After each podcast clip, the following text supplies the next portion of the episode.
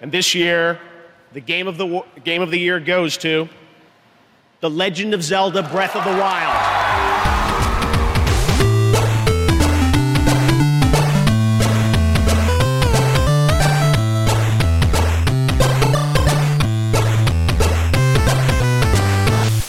Welkom bij Buttonbashers aflevering nummer 81. De allerlaatste van het jaar 2017 en traditiegetrouw dan ook het jaaroverzicht 2017. Ehm, ook traditiegetrouw, een zeer lange aflevering. Ehm Steve, eh, zit je lekker? Heb je drinken? Heb je eventueel een kruik? Ik ben heb je een voorbereid? kussentje in mijn rug. Ik heb mijn, ik heb mijn plasfles naast me. Oh, netjes zeg. Ik ken ook wel eens mensen die deden dat gewoon in een melkpak. Maar dat vind ik toch minder fris. Ja, joh, dat, dat, gaat, zo, dat gaat zo reageren, hè? Die Ja. urine en die melk. Ja, eh, dat zuur tegen die randjes aan. En, Ja. Maar dat kussen wat je hebt, hè, is dat een normaal kussen of is dat zo'n zo'n pittenkussen wat je dan even in de magnetron moet doen? Dat ja, heb je ook, uiteraard, hè? eh, uiteraard die, die laatste. En ik Oh, heb mijn, mijn, mijn tweede kussen, die, zit, die zit al in de magnetron klaar. Dat ik ze kan wisselen af en toe, tijdens de Oh. pauzes. Oh, kijk, dat is gunstig zeg. Ja, Ja. oh, dat is wel netjes. En, en jij Niels, want voordat we begonnen zei je, ik zit op een scheef krukje of zoiets. Ja, Pas je wel op eh, dat je niet een vergroeide rug krijgt, jongen, met eh, dit soort uitzendingen. Of Anders loop goed? jij ook bij de fysio, eh, Niels. ook bij Ja. de fysio. Oké. Dan, moet je, dan gaan ze ook naalden in jou steken. Ja. Nee, ik Oh, heb dat nog steeds dezelfde bureaustoel als toen ik naar de middelbare school ging. Oh, En daar zit Zo. ik nu op. Oh, dat klinkt niet echt alsof die, zeg maar... eh, Niet alsof die, zeg maar, heel erg ergonomisch eh, is ingesteld. Nee, dat eh, kun je wel stellen. Toen had ik ook nog zo'n wereldbol. oh ja, met zo'n lampje erin. Met zo'n lampje erin, ja. Ja, die heb ik ook. Die, eh, die stond vroeger altijd op mijn kamer en nu staat hij ergens in mijn schuur. Nee, maar Weg dit, te rotten. De bureaustoel die jij hebt, zie ik me dan voor me, eh, Niels, als gewoon rechte rug, eh, rechte zitting en een beetje schuimrubber en een stukje, stukje, stukje linnen eroverheen, zeg maar. Eh, dat is het. Het klopt precies, behalve dat recht. Hij is scheef. Oh ja, oh Dus ja dat- moet zelf recht gaan zitten. daar hadden we het net inderdaad over, dat die scheef is inderdaad, ja. Ja, en ik heb twee eh, flessen ook naast me staan. Ik hoor het al, de chiropractor die doet straks weer goede zaken in Eindhoven in januari. Ja, Ja.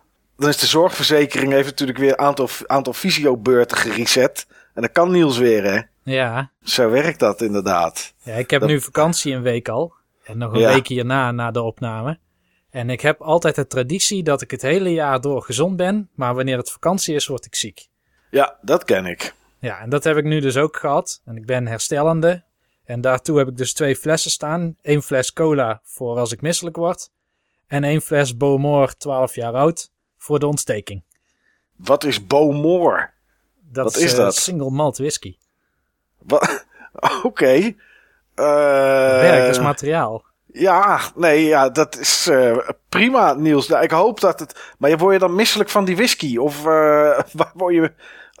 Waarvoor heb je die cola? Gewoon als je gewoon misselijk wordt van het ziek zijn. Dat is het. Precies.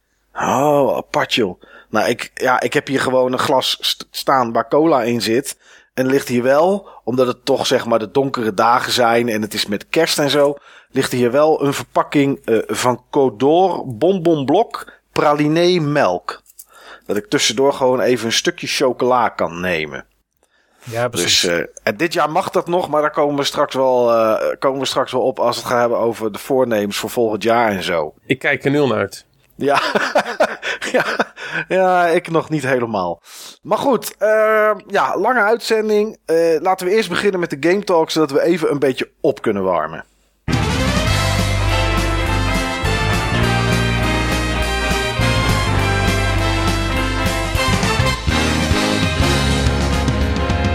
Here we go, off the rails. Don't you know it's time to raise our sails? It's freedom like you never knew. Bags or a pass.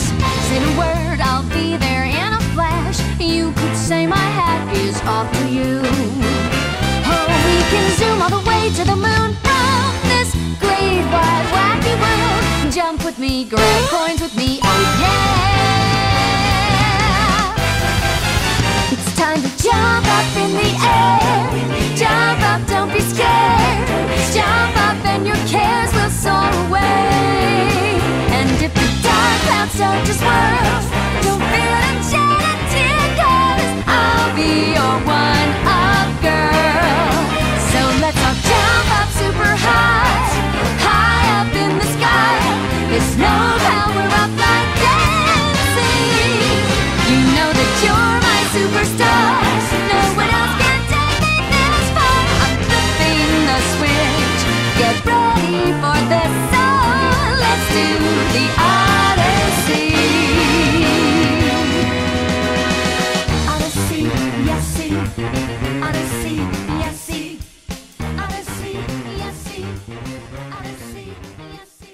Ja, jij hebt vakantie, Niels, dus jij hebt van alles gespeeld, denk ik. Ik heb ook vakantie. Ja, weet ik. Maar dat. Eh, nou, Steve, kom op. Ga, doe ja, als je, ja, ga jij maar. Dan. Ja. Kom maar. Kom Oké. maar. Gooi oké. het maar op, jongen. Wat heb je gespeeld in je vakantie? Best veel. Oké, dan ga ik achteroverleunen op mijn zeer ergonomische, goed afgestelde, stevige bureaustoel. Ik heb best veel gespeeld. Best veel. Destiny 2 gespeeld. Oh, dat heb ik wel voorbij zien komen, ja. Ongetwijfeld. Ja, ja, ja, ja. Ja, En bevalt dat nog? Ja, het moet wel, anders speel je het niet veel. dat is een hele goede vraag. Oh, Dat oké. is een hele goede vraag. Als je gaat Eh. zeggen het bevalt niet, dan, dan schaar ik je onder de categorie mensen die het ook walgelijk vonden om naar Seks voor de Boeg te kijken, maar wel elke week precies konden vertellen wat erin zat. Ja, waarschijnlijk, waarschijnlijk was ik zo'n soort persoon. Maar je hebt het me de laatste anderhalve week een heel stuk minder zien spelen, Mike. Eh, nou, ik kijk niet altijd wie online is. Soms, eh, als ik dan mijn PlayStation aanzet, dan, kijk, dan zie ik staan eh 16 mensen online. Ben ik gewoon benieuwd wat men aan het spelen is. Dus daar kijk ik dan even Ja. naar. Maar ik heb, ik heb het je één of twee keer zien doen ergens deze maand. Maar, Ja, ja die, die nieuwe expansion die is nu uit. Oh ja, 6 december was dat of zo? 5 december. 5 december. Ja, S- Sinterklaas cadeautje van, eh, van Bungie. Ja, Uit eigen zak betaald. ja uiteraard. Uiteraard. en ehm, ik, ik moet, moet zeggen, die campaign vond ik wel leuk. Hij is niet zo lang, maar hij is wel, eh, hij is wel tof. ja. Ehm, maar dat is het eigenlijk ook wel zo'n beetje in die game. Oh. Ehm, Wat zat er allemaal in in deze expansion, eh Steve? een stuk of vijf story missies. Vijf, Oké. zes story missies. Waarbij ze zeg maar twee nieuwe strikes ook als story missie eh, gebruiken. Twee strikes, maar dat zijn ook twee, twee, story missies. Ja. Drie PvP maps. Wat, ehm, wat exotic wapens. en Wat, eh, wat legendary wapens waar je die bij elkaar kan verzamelen. En eh, waarvoor je best wel wat moet, moet grinden. Maar wat je dan wel nog iets te doen, te doen geeft. Mhm. Al is het niet echt super, eh, super interessant. En eh, later zijn, een weekje later zijn er nog wat quality of life dingen uitgekomen. eh, die de game nog wat, wat meer diepgang geven. En, het, en een aantal problemen wegpoetsen, soort van. Ja. En ehm, een van die veranderingen vind ik wel tof. Ehm, ze hebben zeg maar van alle legendary wapens kun je nu ook zeg maar of een, een speciale variant vinden, een zogenaamde Masterworks versie. Oké. En die Masterworks versies die zijn net iets beter. Die hebben daar is één stat beter van. En is dat elke keer dezelfde stat of is dat verschillend? Dat is random. En die, kun je ook, die kun je ook re-rollen. Voor een bepaalde nieuwe currency die erbij gekomen is. En behalve dat je ze kan vinden, kun je ze ook zelf maken voor eh 10 exemplaren van die, van die cur- eh, extra currency. Ja, oké. Ja, en die krijg je ook door die Masterworks wapens kapot te maken. En behalve dat, ehm, dat ze zeg maar één stat iets beter hebben, maken ze orbs. En die orbs, dat, die, dat, dat is zeg maar eh, iets wat in de gameplay altijd al zat. En die orbs die zorgen ervoor dat eh, wanneer je die oppikt, dan raak je super extra vol. En een van, de, een van de grote pijnpunten van Destiny 2 was dat je toch wel erg weinig je super had. En op het moment dat je uitgerust bent met een aantal wapens die orbs maken, hebben zowel jij als je teammates een stuk vaker een super. Ah, ik snap en hem. dat is, dat is wel leuk. Dat is echt wel, eh, wel tof. Ja. En dat, dat gaf je ook echt iets, iets weer te doen. Want ik, had, ik heb een paar favoriete wapens. En ehm, ja, die, die wou ik gewoon heel graag Masterworks hebben. Ja, dan wil je daar een, versie van hebben met betere stats erop dan dat die standaard, eh, standaard zijn, zeg maar. Dus dat snap ik, ja. Ja, dus daar had ik gewoon echt weer even iets voor te spelen. Ja. Dus, Had, ja, zeg had. je. Ja. Ja, het, is echt, heel triest. Eh, dit- dit- ja, waarschijnlijk, eh, dit is ook wel een beetje zo'n zo'n seks voor de boegmens eh, opmerking. Uh, RN Jesus was mij in dit geval iets te goed gezind. Oh, Ik, ik, ik kreeg die wapens opeens. oh. Ik, eh, er waren drie wapens die ik allebei, eh, alle drie gewoon echt heel graag Masterworks wou hebben. Ja. En, eh, en twee daarvan had ik toevallig, ook als enige van de mensen die, waar ik mee speel, binnen een week binnen. Oh, jeetje. Ja, Ja, le- leek dus- het een beetje op een, soort, op een soort verlenging van de game, zeg maar. Om je iets te doen te geven. Is binnen een week gelukt. ja dus e- enerzijds was ik wel heel blij dat ik ze had. Maar anderzijds had ik wel zoiets van, ja, ja. Maar wat nu? En eh, dat is een beetje een van de grote kritiekpunten van, ehm, eh, van zowel Destiny 2 als van die expansion. Eigenlijk zit er gewoon helemaal niet zoveel in. Nee, want ik, ik, jij zei net van, oké, vijf story missies waarvan de twee dan ook strikes zijn. Eh, en twee strikes die eigenlijk ook in de story zitten. Dus die zijn hetzelfde. En dan een paar PvE maps. Of PvP maps. Ja, En de, en, maar ik denk van, moet er niet nog iets meer in zitten? Maar dat is het dus. ja en, en een raid, een extra raid. Maar die, die Oh, wel. is dan ten opzichte van de eerste raid erg kort. Hij is erg tof. Hij is echt heel erg tof. Maar heel kort. We hebben hem nog niet uitgespeeld, want hij is best Nee. moeilijk. Maar ehm, ook, ook qua rewards. De rewards zijn allemaal niet, eh, niet, niet super. En ja, de volgende expansion komt volgens mij pas in mei. Oké, En oeh, dus ook een end weg. Ja, er is ook echt heel veel gedoe eh, in, het, eh, in het spel. De community is op dit moment ook heel erg negatief. Ja. Ehm, terecht, terecht. Eh, Bungie. Vol- volgens mij heb ik deze grap eerder een keer gemaakt, inmiddels in de lange historie van, ehm, van deze podcast. Maar Bungie heeft volgens mij de film Brewster's Millions gezien. Ah, ja. Jij Ja, kent die. Brewster's ik ken die Millions? film. Ja, En ja, wat, is, ja. wat is het idee van Brewster's Millions, eh, Mike? Kun je heel kort Brewster's Millions uitleggen in een paar zinnen? Brewster's Millions, dat was toch die film waarbij hij eh, zo snel mogelijk een miljoen moest kwijtraken, maar het niet mocht weggeven? Ja. Ja, dus ging Richard een, eh, Pryor? Ja, die. Dan ging hij een postzegel kopen van, eh, weet ik veel, van 25.000 dollar. En die ging hij dan op een brief, op een brief plakken gewoon en versturen. Om eh, op een, eh, volgens de regels zijnde manier zijn, zijn miljoen kwijt te raken. Ja, Richard Pryor, die bleek. Richard Pryor speelde een straatarme gast. En zijn. ehm, een oud-oom van hem, die bleek echt multimiljardair te zijn.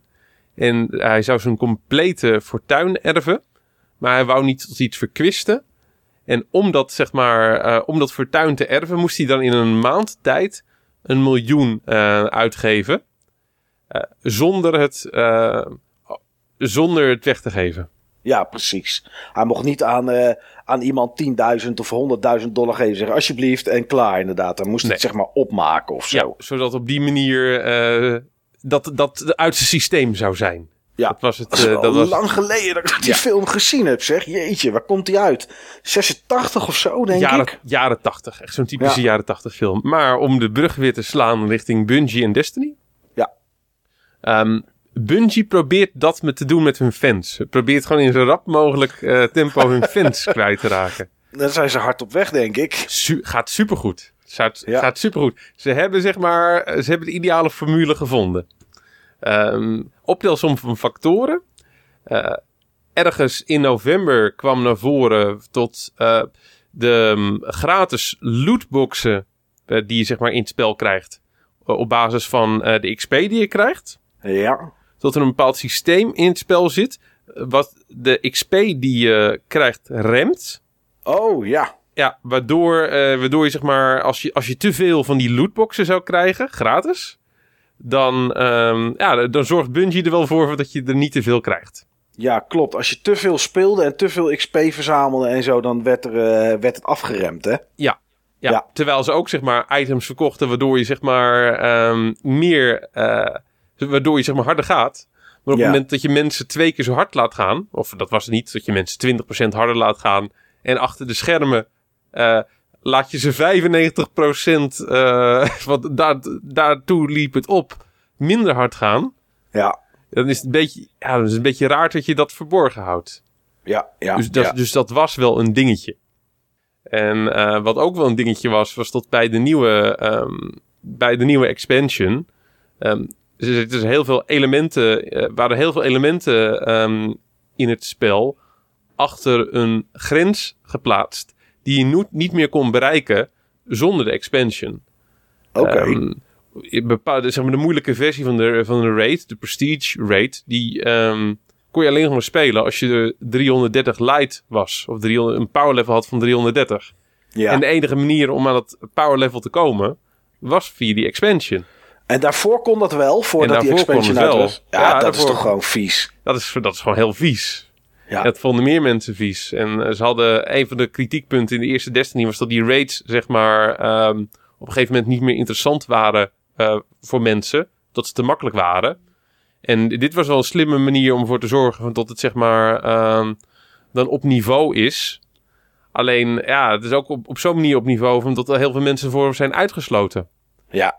Dus dat is, eh, ja, dat, dat kwam nou niet lekker over. Wie maakt dit soort keuzes, joh?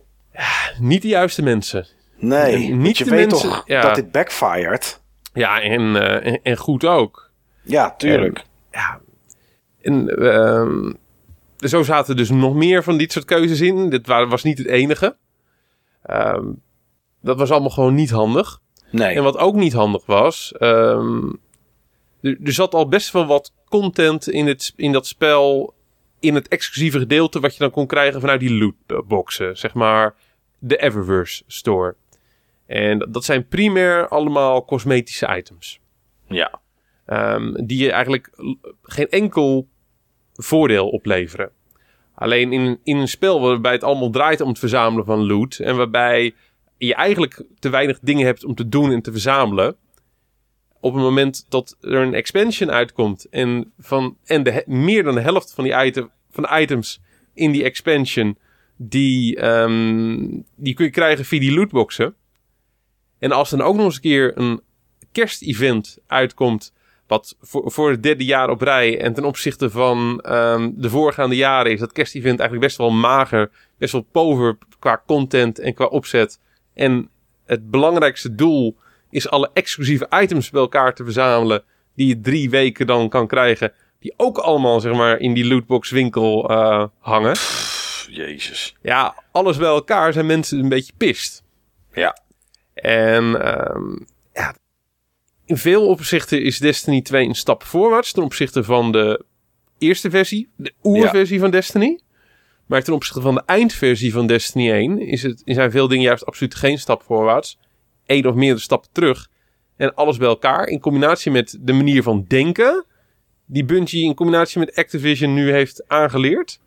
Nee, dit, is, eh, dit houdt op. Je zou toch denken dat ze aan het einde van Destiny 1... dat ze iets hadden van... oké, we hebben nu drie jaar, volgens mij... drie jaar lang of zo... hebben we geleerd hoe het wel moet. Hè, wat Ja. werkt, waar de community wat ze leuk vinden... hoe we ze kunnen, kunnen terug laten komen... en dan, dan, dan doe je dit. Ik snap het ook echt niet. Ik snap het Nee. echt niet. En eh, nee, ik, dit, dit houdt op. Ik denk dat, ehm, dat ze toe moeten werken echt gewoon naar, naar een grondige herstart. Waarbij ze een aantal van, hun, van de basisprincipes van hun manier van ontwikkelen.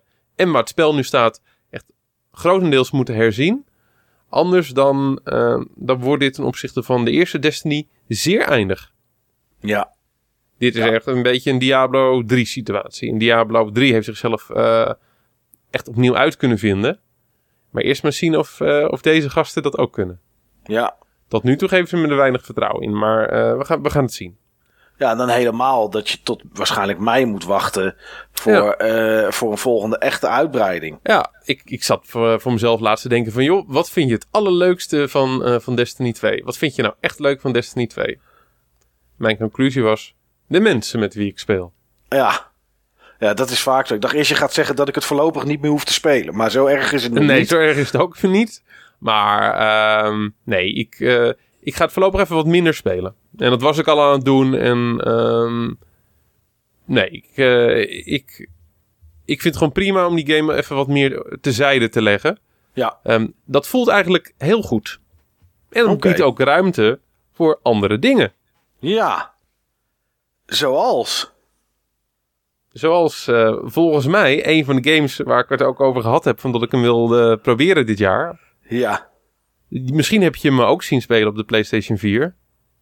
Mm, nee. Ukulele. Oh, ja, want ik heb inderdaad, daar komen we straks nog wel op. Ik heb natuurlijk, ja, iedereen weet natuurlijk wel wat hij vorig jaar zei. En er waren twee games die je in ieder geval dacht te gaan spelen eh, dit jaar. En één daarvan was eh Ukulele inderdaad. Nou, dan is dat uitgekomen. Ja, die wel. Die andere denk ik niet volgens mij. die, eh, die je zeker wilde gaan spelen. Maar nou ja, goed, dat horen we straks, horen we straks wel. Hoe bevalt die, Steve? Erg goed. Oké, want ik, ik lees Beter, gemengde beter, dingen. dan, beter dan verwacht. Oké, was het omdat je niet zo heel veel had verwacht na wat je had gehoord of gelezen van de mensen die het wel gespeeld hebben? Of heeft dat er niet zoveel invloed op ge- op gehad? Ten opzichte van de eerste recensies die ik heb gelezen op het moment dat die game uitkwam, ehm, vind ik die game een stuk beter en is die game ook een stuk beter. Oké, Ehm. Het is een game die post-launch ook best wel is bijgesteld. Ah, oké. Ja. Eh, voor de mensen die het kennen, wat is het? Ukulele is een platformer van mensen die vroeger bij Rare hebben gewerkt en hebben eh, gewerkt aan ja, de, de grote Rare platformers, waaronder Banjo-Kazooie, eh Conker's Bad Fur Day, dat soort titels. Oké, En eigenlijk is het een spiritueel opvolger van Banjo-Kazooie. ja, precies. Is het ook net zo leuk? Is het net zo verzamelachtig? Wat, wat, hoe, hoe werkt het, eh, deze game? Ik heb het namelijk niet gespeeld. Het speelt als Banjo-Kazooie. Oké, Je, het is een, een, een duo van figuren wat je speelt. Geen beer en een vogel, maar een chameleon en een vleermuis. oh ja, een vleermuis, ja. En ehm, die, die gaan op, op zoek naar inderdaad allerlei dingen die ze moeten verzamelen... om vervolgens verder te komen om de, de grote eindbaas te bevechten. Oké, En het probeert echt de sfeer van Banjo-Kazooie eh, te zoeken Mhm. ook te zoeken. en, en te vinden. En ik vind dat het best goed lukt.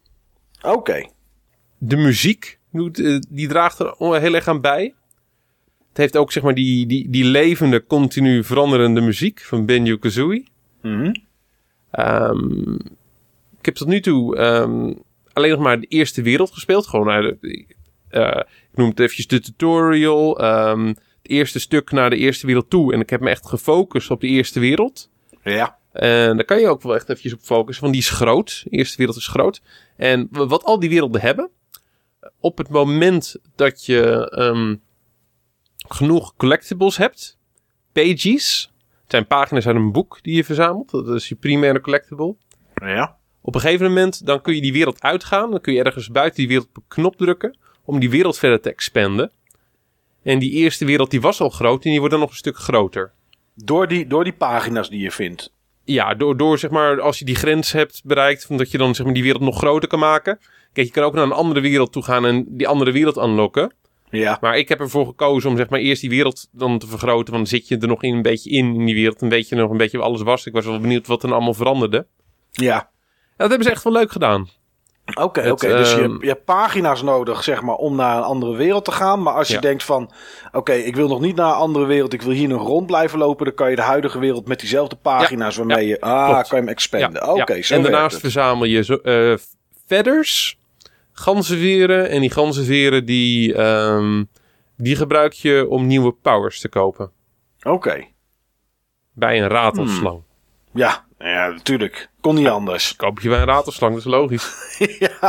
ja dat- Dus, maar ik moet zeggen, ik vind het wel een heel leuk spel. Het is eh, gevarieerd. Ehm, het, is, kleurrijk in ieder geval, zag ik. het, is, eh, het is kleurrijk. Het ziet er goed uit. Het ziet er niet briljant uit. Nee. Ehm, ja, het ziet er een beetje uit als een, eh, als een Unity game. Ja, voor, mensen die, die- voor mensen die Unity niet kennen. Unity is een game engine die vaak gebruikt wordt voor indie games. Eh, het is ook een Unity game. Dus het is helemaal niet gek van dat het eruit ziet als een Unity game. Nee. Maar er is ook voor de rest niks mis mee met, eh, met Unity. Er is toch weinig mis met Unity, Niels? Dat klopt. Er wordt vaak gezegd dat Unity het uiterlijk of de performance per se bepaalt van een spel. Maar dat is niet zo. Het is dermate customizable en ja, je moet wel begrijpen hoe de pipeline zeg maar, van Unity werkt om een goede performance uit te halen. Maar ervaren developers die zouden net zo goed met Unity een game moeten kunnen maken als met eh, Unreal bijvoorbeeld. Oké. Ja, Nou, maar eh, erg, erg leuk spel. Eh, ga- gameplay is gevarieerd, is, is zat te doen.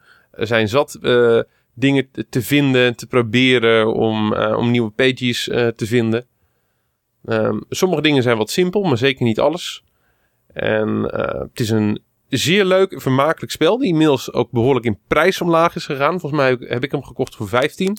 Oh, dat is eh, Ja. digitaal of... eh, Nee, eh, eh, fysiek. Oké, voor ja. 15 euro is niet duur. Nee, je ziet hem echt zo'n beetje overal tussen de 15 en eh, 18 euro. Dus doe je je voordeel mee, want het is echt een leuk spel. Oké, oh, ik wist niet dat hij zo... ik had inmiddels even opgezocht hoe lang je ermee bezig was, zeg maar, om hem uit te spelen. En, eh, en als je ook alles wil verzamelen, dan komt er nog wel eh, een redelijk slokje tijd bovenop, inderdaad. Maar ik wist niet eh, dat hij zo goedkoop al, dat hij zo goedkoop al was, joh. Ja, niet Ja. alles kan een hit zijn, hè? Nee, dat is ook zo. En het was natuurlijk sowieso al een bizar jaar 2017 met games die uitgekomen is, die goed waren. Dus eh, nou, 15 euro is een mooie prijs. Ik zie hem hier overal online voor, voor 20 is het goedkoopste wat ik zie. Dus dan heb je een mooie aanbieding ergens gescoord. Ah, hij eh, ligt Steve. in ieder geval nog voor die prijs volgens mij bij de Intertoys. Oké. Oh, nou misschien, eh, ja, wie weet. Wie weet dat ik die eens... eh, Ja, dat ik, had die hem, ik had hem samengekocht met ehm Wipeout the Omega Collection. Oh, ja. Die wil ik ook heel graag hebben. Die heb ik overigens nog niet gespeeld. Dus daar kan ik het niet over hebben. Althans, niet in deze Game Talk. Ik zie hem hier op online. Je hebt echt een aanbieding gescoord hoor, Steve. Ja? Want online op de Intertoys is die 27. Oh, Oh, maar dan wordt die verkocht door videogames.nl. Ik kan dat tegenwoordig ook al joh bij de Intertoys. Ja, blijkbaar wel. bijzonder. Oké. eh, Een soort grappig. bol.com eh, systeem en, eh, en eh, hoe heet het? Amazon, denk ik. Leuk, eh Steve. Goed om in ieder geval te horen. Want, misschien dat ik die nog wel eens een keer meepik als ik hem ergens voor die prijs zie liggen. Ja, Ja, ik ook. ik ben wel lekker gemaakt nu. Ja, dat is, dit is absoluut een game die jullie ehm, allebei leuk zouden moeten vinden. En die jullie in ieder geval allebei zouden moeten spelen. ja. Ben ik, met, ben ik er eens. Dus eh, Niels, ik ben ook een beetje boos dat je dat nog niet gedaan hebt. Ja, ja. Ik had ik genoeg denk- andere spellen te spelen. Heel druk, Oh, sorry. Heel goed. Ik denk in ieder geval zo eh, ook over een andere game die ik gespeeld heb. Ja, die we ook gespeeld moeten hebben. Oké, ik Ja, ga er even voor Volgens zitten. mij heb jij hem ook gespeeld. Oké. Want dat weet ik niet zeker. Ah, ik Volgens heb mij een heb hoop ik- gespeeld dit Volgens jaar. mij heb ik jou erover gehoord. Oké. Ehm, dat is Shantae Half Genie Hero. Ja, ik heb eh, ergens mijn, in mijn vakantie een Shantae gespeeld. Maar ik heb echt geen idee meer. Volgens mij was dat Pirate's Curse, toch? Ja, de- jongens, ik, dat, ik hou die dingen niet uit elkaar van deze figuren. Maar ik zie hier dat Shantae Half Genie Hero uitgekomen is voor PS4, Wii U, Xbox One, Vita, Switch en Windows. Dus dan heb ik hem niet gespeeld, want ik heb 3DS gespeeld. Dat is denk ik de Pirate's Curse. Ja, dat moet dan wel. Dit is in ieder geval een heel tof spel. Ik vind het echt een heel tof spel. Oh ja, klopt. Ik heb Pirates Curse gespeeld. Ik heb het even opgezocht. Ja. Oké, waar heb je het op gespeeld, Steve? Op de Switch. Op de Switch. Daar Hij is was- het natuurlijk eh, een makkelijk dingetje voor, die Switch. Hij was eh, in de aanbieding op de Switch en ik wou hem al heel lang hebben. Ja. En ehm, ik zat al een tijd te loeren op een, eh, op een fysieke editie, op de PS4. Maar ik zag hem zeg maar op de, ehm, in de e-store. Of, eh, hoe, Ja. heet hoe heet die store? E-shop, denk ik. E-shop inderdaad, ja. Zeg maar. En hij was eh 12 euro. Oh, is te Vond, doen. vond ik een heel net prijsje. En ehm, ik heb hem nog niet zoveel gespeeld, nog maar een paar uurtjes. Maar ja, dus dit is nou echt een heel leuk spel. Was dit de eerste Shantae die je speelde, Steve? Ja, het was de eerste Shantae die ik speelde. Oké. Wat vind je er tof aan? Daar ben ik wel benieuwd naar. De graphics, de muziek, de sfeer, het level design. Ehm, veel eigenlijk. Ja, inderdaad. Ehm, ik heb er nog niet zoveel van eh, gespeeld, maar ehm, het tweede en derde level wat ik, ehm, wat ik gespeeld heb in die game, vond ik allebei echt behoorlijk briljant. Oké. Tweede level is een meermin, eh, zeemeerminnenfabriek. Zeeuw in de fabriek ook. Een Wauw. zeemeerminnenfabriek. Ik wou dat die echt bestond, hè? Dat zou wel, ja, over de jaren, over jaren 80 films gesproken. Je hebt vast ook Splash gezien. Ja, heb ik. Ja, heeft hoor. natuurlijk geen eh, Splash gezien? Ja. Ja, Is dat die film met, eh, hoe heet hij ook weer? Tom Hanks. Tom Hanks, Ja. ja. Ja, Ja, die heb ik gezien. ja. hey, dat Ja, zou best wel eens de oplossing kunnen zijn voor het, eh, de schaarste aan tonijnen.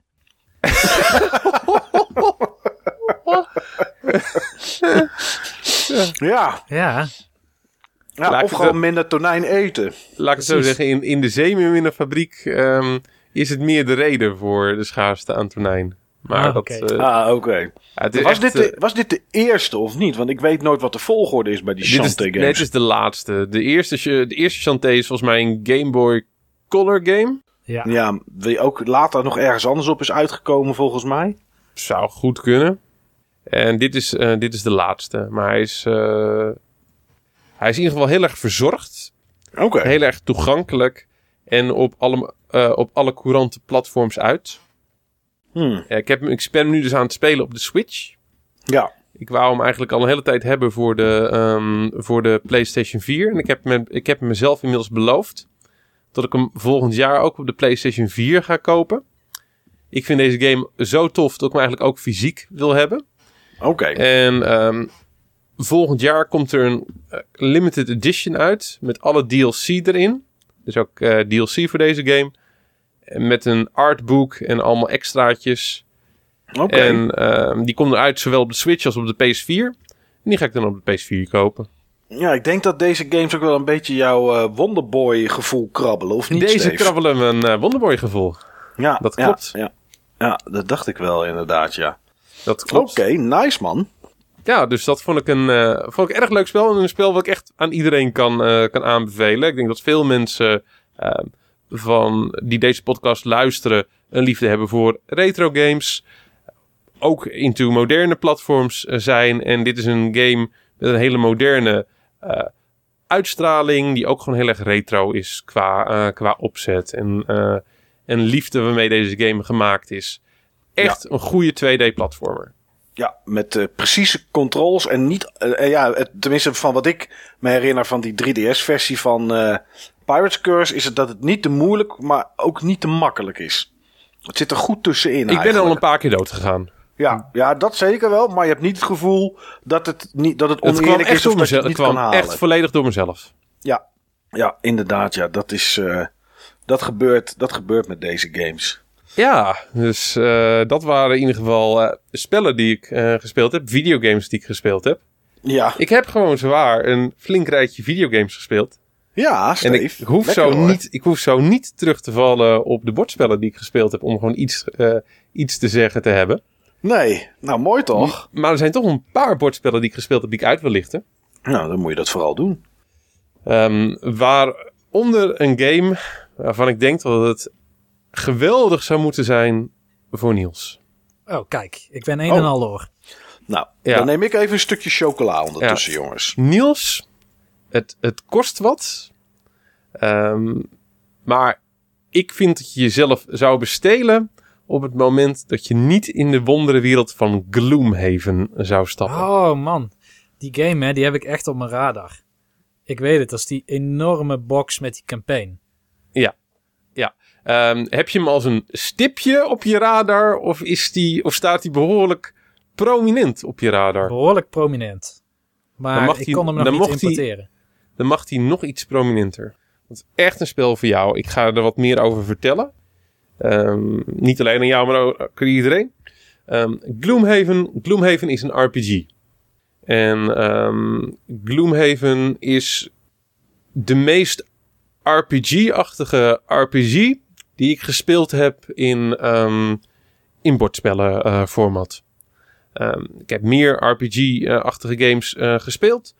Dungeon crawlers, Dungeons and Dragons. Dungeons and Dragons is niet mijn ding. Never again. Ehm, Gloomhaven is het absoluut niet. Maar Gloomhaven is wel gewoon een, ehm, een, spel wat heel veel elementen in zich ehm, heeft van wat voor ons videogame fanaten een RPG een RPG eh, maakt. Je speelt een karakter. Dat karakter ehm, is zeg maar aan het begin van, van het spel is dat nog zeg maar relatief zwak. En dat karakter ontwikkelt zich ook gedurende een, eh, een, eh, ja, een groots avontuur, noem ik het maar eventjes. En dat grootste avontuur is eigenlijk gewoon een hele optelsom aan scenario's die je gaat spelen. Ehm, waarbij je niet weet welke scenario's je gaat spelen. Welke scenario's je gaat spelen en waar en hoe het allemaal precies in elkaar gaat vallen, dat is voor iedereen uniek. En dat, ehm, en dat blijft ook uniek, want behalve dat Gloomhaven een RPG is, is het een legacy game. En bepaalde evenementen die zich voordoen. Je hebt ook een event eh, deck. Ehm, als er een event uitgetrokken is, dan gaat hij door midden. Je verscheurt gewoon kaarten, eh, zeg maar, waar bepaalde dingen op staan die er gebeuren. Dus daarna ga je die, dat event nooit meer trekken. Daarna gebeurt het nooit meer. Je hebt zo echt een uniek, eh, ja, een uniek avontuur waar je door, eh, doorheen gaat. Als je het zeg maar, als je geen dingen wil verscheuren, hoeft het niet. Je kan ook zeg maar dingen natuurlijk in een zwart zakje doen, wat je dan nooit meer openmaakt. Voor eeuwig uit het spel halen. Maar eh, met de vriend met wie ik het speel, verscheuren we die kaarten. Overigens, het is zijn spel. Juist. Ja, want hoeveel van die kaarten zitten erin? Op een gegeven moment zijn ze op. Eh, zo, zo'n event deck laat het misschien bestaan uit 150 kaarten of zo. Ah, oké, oké. Dus en, eh, dit, is echt een groot spel hoor. Daar doe je wel eventjes over om hem uit te spelen. Dat, eh, dat zijn aardig wat zondagmiddagjes. We hadden zeg maar één scenario eh, gespeeld. En we moesten ook nog eens zeg maar, het spel zelf leren. En dat was... ehm, ja, daar waren we toch wel even een paar uur mee, mee bezig. Ehm, je hebt zeg maar ook je eigen doelen die je probeert te behalen. Eh, je doel per scenario. Dat deel je met elkaar. En ehm, je hebt ook een, zeg maar, een, geheim doel, wat je dan na- probeert te streven over alle scenario's heen. En op het moment dat je, ehm, dat je je persoonlijk doel gehaald hebt, dan gaat je karakter met pensioen. En dan mag je een nieuw karakter trekken uit een, eh, uit een tweede deck met karakters. Waarvan we dus nog niet weten wat die karakters doen en wat voor karakters dat, eh, dat, zijn. Het zijn dus de meer advanced karakters. Ik speel nu als een soort met van rogue. Oké. Nou, een rook is altijd een mooie klas met backstab en dat soort dingen. Ja, dat soort dingen inderdaad, ja. En, Ik vind het best eh, wel een goed idee eigenlijk, dat je dan nieuwe karakters kan zijn. Want ik speel wel vaker dit soort games waarin je, een- in waarin je een karakter bent, bijvoorbeeld Pathfinder Adventure Card Game. Alleen dat karakter ontwikkelt zich wel en soms ook wat rigoureuzer met een soort van subclassing mechanisme. Alleen in mijn beleving speel ik het van achteren naar voren. Ik zie een super karakter wat in het begin nog heel beperkt is. Omdat je een aantal hokjes nog niet hebt aangekruist. Maar als je daadwerkelijk een ander karakter kan worden en dat je nog niet weet welke, dan is dat een hele andere ervaring. Ja, klopt. En je weet echt nog helemaal niks van die karakters, joh. Dat hebben ze echt wel heel tof gedaan, hoor. Het zit echt wel heel goed in elkaar. Dus eh, de, de combat was ook eh, was zowel tof als uitdagend. We hadden best wel veel moeite, zeg maar, met, ehm, met eh, de vijanden verslaan in dat scenario. Maar dat had er ook een beetje mee te maken met onze persoonlijke doelen. Die waren ook niet echt heel erg goed combineerbaar met elkaar. Ehm, die maat van me, die moest met net zoveel levenspunten eindigen als dat hij was begonnen. Dus die mocht geen enkele damage oplopen die hij niet kon healen. Mhm. En ik mocht niet meer verzamelen dan 7 XP. Oh. Dat is Dus- denk ik niet heel veel. Dat was niet heel veel. Ja, dus, dus het kwam erop neer dat we allebei gewoon zo cowardly spelen als, als, maar, als het maar kon.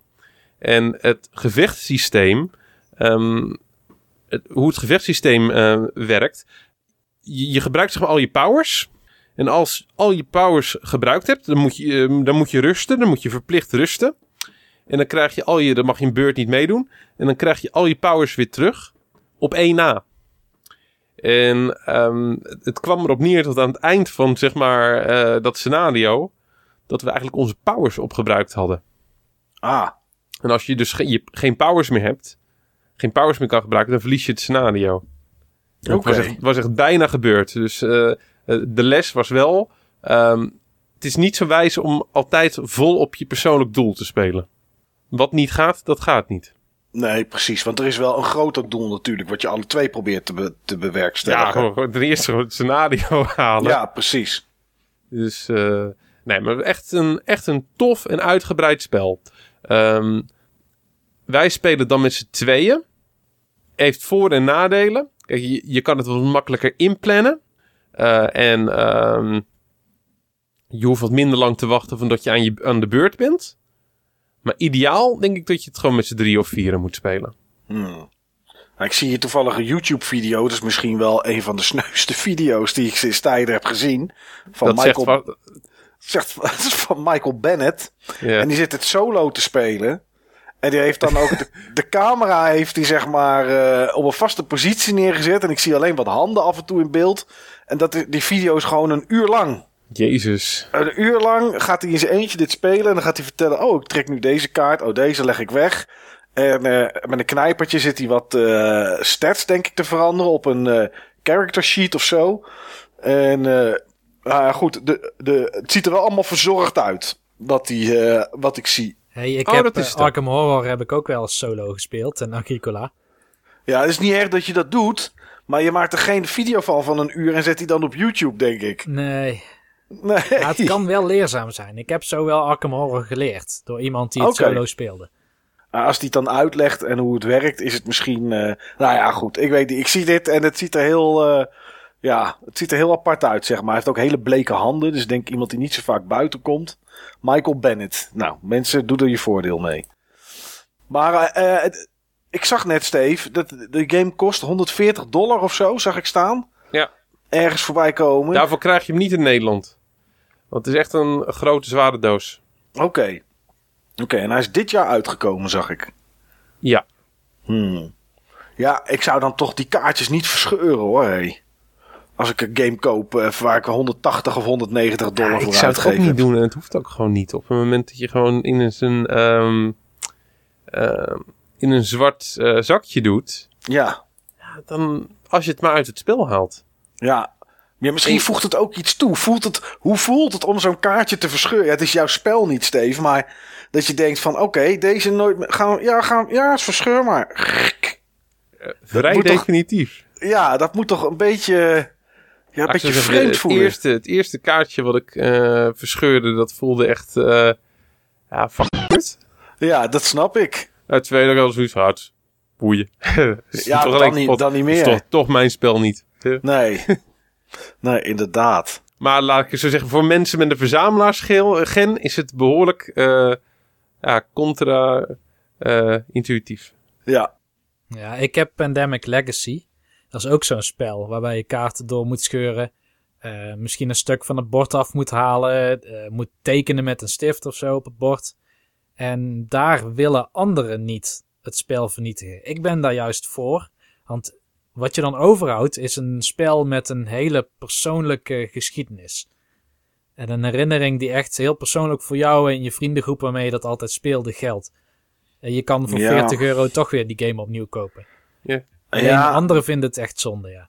Ja, Niels, ik heb ooit een keer een tatoeage op mijn, op mijn rug laten zetten van een naam van een meisje. Ja, dat meisje is ook niet meer in mijn leven. Ik kan je vertellen, ik kan wel zeggen, zo'n leuke persoonlijke herinnering door op je bord te tekenen. Maar er komt een keer een dag dat je er vanaf wil, hè. En die is echt wel pijnlijk. Dus ik, ik snap het wel. Ik snap wel dat mensen dat niet willen doen. eh. Ja. Dat is bijna hetzelfde ook inderdaad. Bijna hetzelfde. Ja, ach ja. Maar goed, eh, nou, tof Steve. Heb je nog iets anders eh, gespeeld? Want je zei, ik heb nog wel een Ja, aantal... heel, heel, heel veel. Heel veel, maar niks wat ik, eh, niks wat ik zou willen uitlichten. Oké. Eh, Niels, jij hebt vakantie. Ja, ik heb Zo vakantie. begon deze Game Talk. En toen, eh, toen heb ik je het recht weer ontnomen om er iets over te vertellen. Maar nu is de vloer van jou. Nou, ik wil eigenlijk feestelijk beginnen. Oh, Ik wil feestelijk beginnen met een game die ik voor kerstmis speciaal heb gekocht. Voor eh, vrienden en familie. Of familie en koude kant, zoals je het zou kunnen noemen. en eh, dat kijk, is... dit, dat is al de verkeerde insteek, Niels. Het is kerst. En dan denk je, ah, ik koop een game voor familie en koude kant. Dat is niet, dat is niet de kerstgedachte, man. Nee, de kerstgedachte is vrede op aarde, toch? Ja, het schijnt. Maar eh, nee, de game die ik heb gekocht, dat is niet per se verwant aan de kerstgedachte, maar die is wel echt extreem leuk om met veel vrienden en familie te doen. Dat is Jackbox Party Pack 3. Oh, drie. Ja, ik dacht Ja. dat ze al bij vier waren, maar niet dus. Jawel, ze zijn bij 4 en die is nu Oh, ook in de wel. aanbieding, dus die ga ik misschien ook nog wel kopen. Ja. Maar ik heb eerst goed onderzoek gedaan naar alle verschillende party packs. Mhm. En ehm, je, die, die packs zijn voor alle systemen zo'n beetje uitgekomen. Ehm, op het moment zijn ze ook in de aanbieding, dacht ik, op Steam. Ja, ongetwijfeld. En volgens mij is deel 4 nu in de aanbieding op de Switch. Dus ik ga daar misschien nog naar kijken. Maar ik heb in ieder geval deel 3, die heb ik ook op de Switch gekocht. Ehm, is niet een heel Switch-achtig spel, moet ik zeggen. Want je hebt geen Joy-Cons nodig. Iedereen heeft gewoon de eigen mobiele telefoon nodig. Ja. En de applicatie is bijna niets meer dan een soort front-end voor een eh, server waar allerlei vragen vandaan komen. En waarmee alle data tussen de verschillende telefoons van de speler wordt gesynchroniseerd. Ja. Behalve degene die het spel host, zeg maar, toch? Want degene die op de Switch speelt, die host dan zeg maar de game. Ehm, ja, maar niemand speelt op de Switch. Dus je zet Oh, wel op de. Switch het spel aan, maar verder speelt iedereen verder met de mobiele telefoon. Ah, oké. Ik dacht, eh, want ik heb wel eens, eh, ik ken deze game van, eh, ja, van Twitch. Ja. Daar heb je wel eh, veel mensen die dat doen. En er speelt één iemand op PC. En de rest kan dan via een website of met telefoon inderdaad meedoen. Oké, ja, ik heb zoiets nog niet gezien. Het kan zijn dat er een mode is waarin jij op het platform zelf kan spelen. Maar in ieder geval, de standaard is, ieder is, heeft dezelfde functie in het spel. Of in de meeste spelletjes. En iedereen gebruikt ook zijn of haar eigen tablet. Oh ja, het kan ook PC inderdaad. Want je hoeft maar naar een URL te gaan. Klopt, je gaat naar een browser en dan vul je die viercijferige letterige code in. Ja. En dan kan je meedoen inderdaad. Je gaat naar jackbox.tv. Ja. Daar voer je de roomcode in. Nou, die code die laat de host zien. Dus in mijn geval draait dan op de Switch een applicatie en op de televisie zie je. eh, we gaan nu eh, bijvoorbeeld, eh, ja, no- noem eens een game, Faking It spelen. En de roomcode is eh, RJC3. Nou, dan vult iedereen die code in plus diens naam. En dan zie je je naam automatisch verschijnen op de televisie. Ja. En de host die besluit dan wanneer het spel start. Nou, het voelt niet echt als een eh, Switch game als je kijkt naar het aard Switch games. Je zou zeggen het is multiplayer, co-op of co-op, eigenlijk niet. Het is in ieder geval wel multiplayer en met veel spelers. Maar het voelt wel wat traag aan en dat komt gewoon door die server. Al die Oké. laadtijden en zo die je krijgt omdat die data moet gaan ophalen en verwerken. Ja, dat is iets wat de PC-versie ook doet, heb ik daarna op eh, Twitch gezien. Ja. Dus dat zit helaas in de aard van, van de applicatie. Maar eh, er zitten vier, even kijken, 1, 2, 3, 4, 5, nee, vijf minigames in. En die heb ik allemaal gespeeld. Oké. Ik heb denk ik een uur of zes in totaal die games gespeeld. Over twee kerstdagen heen. Eh, met acht spelers vooral. Oké, dat is wel leuk. Ja, sommige spelen die werken maar met 6. En in Party Pack 4 heb je volgens mij een spel die met 12 spelers werkt. Maar de meeste werken met 8 spelers. En ehm, de leukste is ook de eerste, als je het mij vraagt. En dat is Quiplash. Dus je start vanuit de client applicatie, start je gewoon een van die vijf minigames op. En mensen kunnen zich dan aanmelden via de smartphone. Host drukt op play en daar ga je. En je telefoon is dan een soort stemkastje waarin je antwoorden kan geven. Soms kun je ze typen, soms moet je iets tekenen, soms kun je gewoon op een knop drukken. Dat soort dingen. Maar Quiplash is een soort quiz. Dus elke speler die krijgt twee vragen. En niet iedereen krijgt dezelfde vragen. Twee spelers krijgen in ieder geval éénzelfde vraag. Dus elke vraag gaat naar twee verschillende spelers, zo moet ik het zeggen. Ja. En eh, dat zijn vragen die soms een soort privésfeer raken. Of vragen om een grappige interpretatie. Want het Ah, gaat niet om het antwoord, om het juiste antwoord. Het gaat om het grappigste antwoord. Ja, ja, ja. Is het een be- beetje zoals bij eh, Cards Against Humanity. Het klinkt als Precies. Cards Against Humanity inderdaad, ja. Het is bijna exact Cards Against Hu- Humanity. Dus de vraag kan zijn, en ik quote nu letterlijk een vraag die ik heb gezien op kerstavond. Ja. Ehm, ehm, waarvan zou je het meest bang zijn als het wanneer je wakker wordt op je buik zit? Oké. En ehm, ik had opgeschreven oom en oud. Dat is een oom van mij. ja, kan ik me voorstellen dat dat niet dat- prettig is. Het zijn dat soort antwoorden die het spel zo grappig en interessant maken. Want in Ja. het begin dan moeten mensen wennen aan het idee dat ze juist heel out of the box moeten denken. Maar alle vragen die zeg maar, aan de verschillende spelers gesteld worden, die worden op een gegeven moment op televisie gepresenteerd. Plus daarvan twee antwoorden. Dus één antwoord als jij die vraag hebt beantwoord voor jou en van de andere speler die ook die vraag had. En vervolgens mag dan iedereen, behalve degene die het antwoord hebben gegeven, mag stemmen op het leukste antwoord. Ja, en zo worden precies. punten uitgedeeld. Ja. En is, dat, is elke mode, werkt het op die manier? Of zijn al die modes dan wat anders, zeg maar? Ze zijn wel allemaal anders. Oké. Dus ik ben nou ook benieuwd. Ik zou ook best wel die volgende, die Party Pack 4 ook willen kopen. Want bijna elke minigame is leuk. Hmm. Ehm, nou, je hebt bij de andere Jackbox Party Pack 3 eh, games heb je Trivia Murder Party. Dat is eigenlijk een soort pubquiz in een soort jigsaw thema. Ja. Dus het is een horror thema. Je moet vragen beantwoorden. Heb je het fout, dan moet je een minigame spelen waarvan waarschijnlijk hele nare consequenties aan zitten. Dus het kan bijvoorbeeld zijn dat je moet kiezen als je een minigame verliest welke vinger je kwijt zou raken. En dan moet je, je je pink, je ringvinger, middelvinger en wijsvinger kun je dan kiezen. En dan wordt er één afgehakt. En vervolgens, als je een multiple choice vraag hebt, kun je zeg maar de keuze die bij die vinger zou horen niet meer kiezen. Mm, ik snap hem. Het is wel grappig, maar het blijft een soort quiz. Het- en de quiz aan zich is niet grappig. Het is meer het thema wat het leuk moet maken. Ja. Dus je hebt betere alternatieven voor dit soort eh, spelletjes. Andere, denk ik, belangrijkere vraag is: is het in het Nederlands? Nee, het is in het Engels. Dat sluit al eh, redelijk wat eh, ooms en tantes vaak uit, denk ik. Ja, klopt. Maar je kan wel zelf je content toevoegen. En die kun je helemaal Nederlands maken. Ja, oké. Maar ja, dan zit ik de game te maken in plaats van dat ik iets koop wat de game maakt. Ja. Dan is het echt alleen maar een client-server applicatie die ik koop.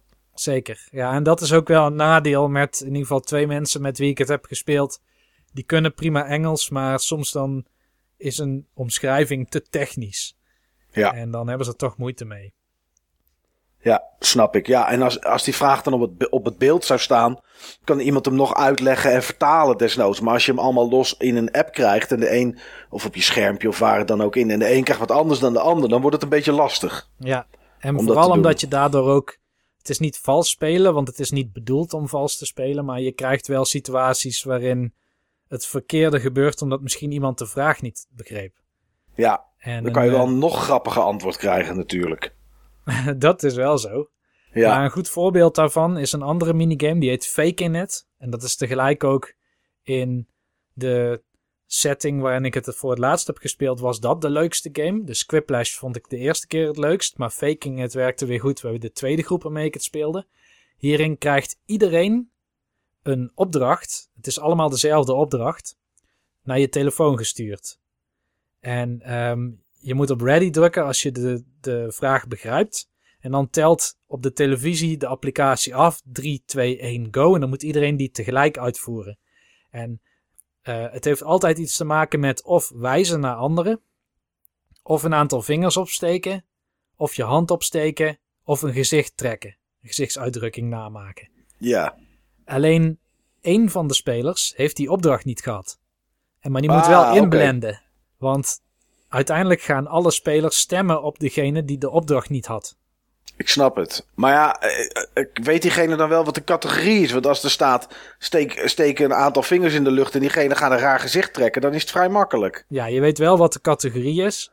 En ook de faker krijgt wel een soort clue te zien. Ehm, tenminste bij gezichten. Dan staat Mhm. er wel, het wordt een raar gezicht. Of het wordt Ja, een moeilijk gezicht.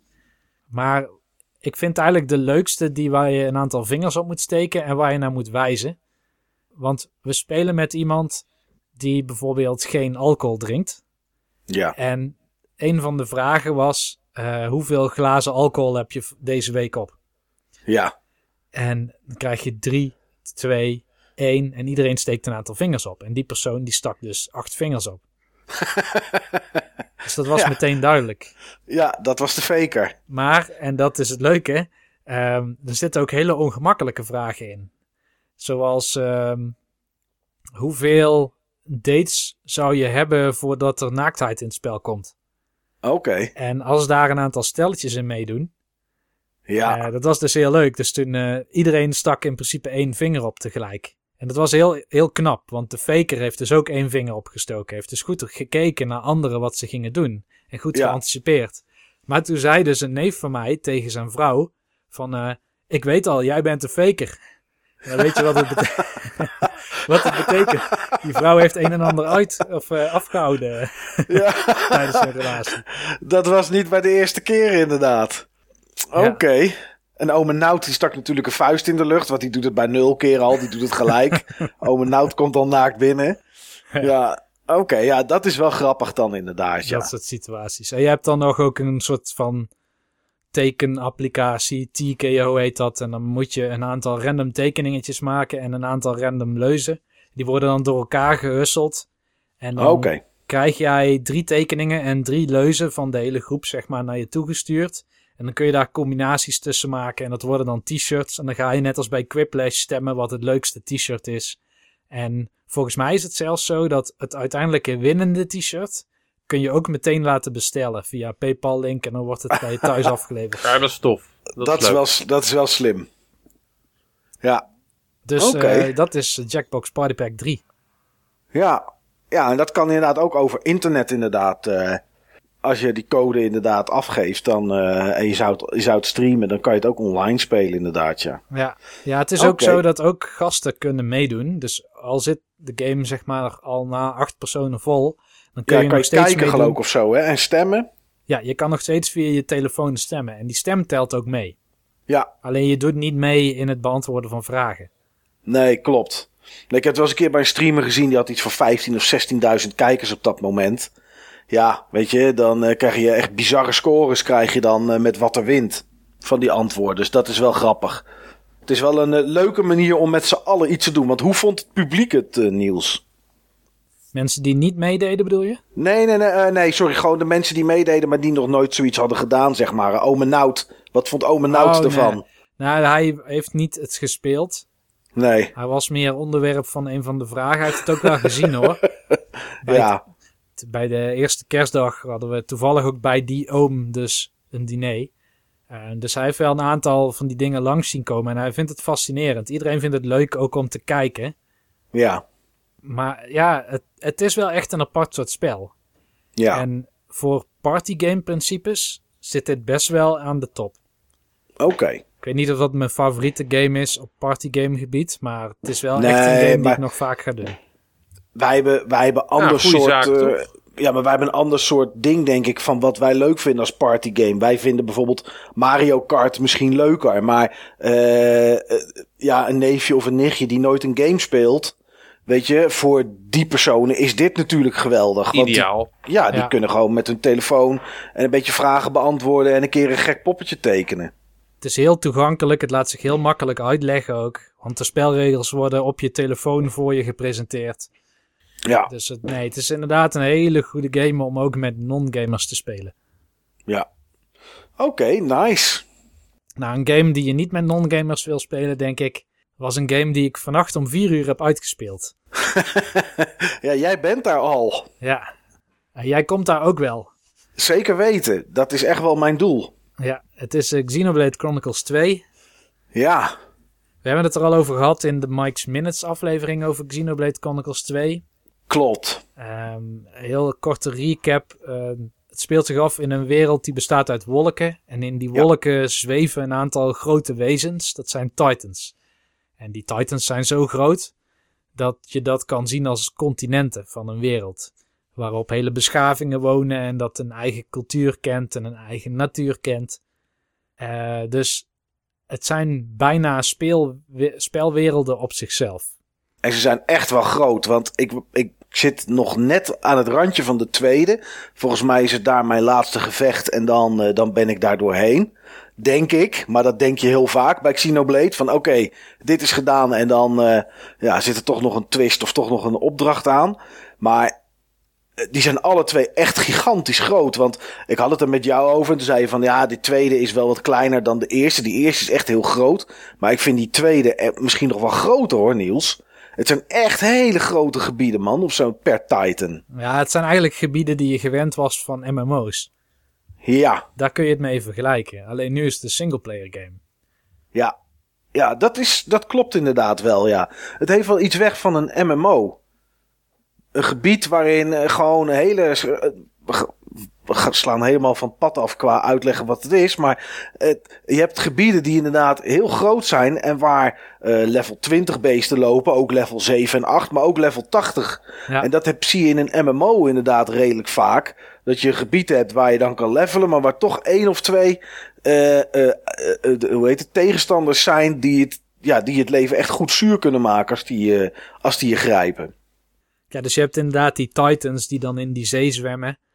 En het conflict ontstaat doordat een aantal titans aan het uitsterven zijn. Ja. En dat betekent dat het leefgebied voor al het leven, alle organismen, de dieren en de mensen, dat dat krimpt.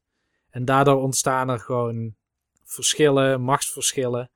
Eh, sommige mensen willen daar misschien een slaatje uitslaan, die denken er rijk op te kunnen worden. Sommige mensen ehm, ja, die, die proberen alleen maar te overleven in de situatie. Maar er moeten grote volksverhuizingen plaatsvinden van de ene Titan naar de andere Titan. Wat natuurlijk ook eh, veel vraagt zeg maar, van zo'n organisatie. Ja. En eh, ja, dat, dat is in ieder geval de, de wortel van het conflict. En jij speelt daarin Rex. En Rex is een salvager. Zeg maar een professionele lootbox grinder. ja.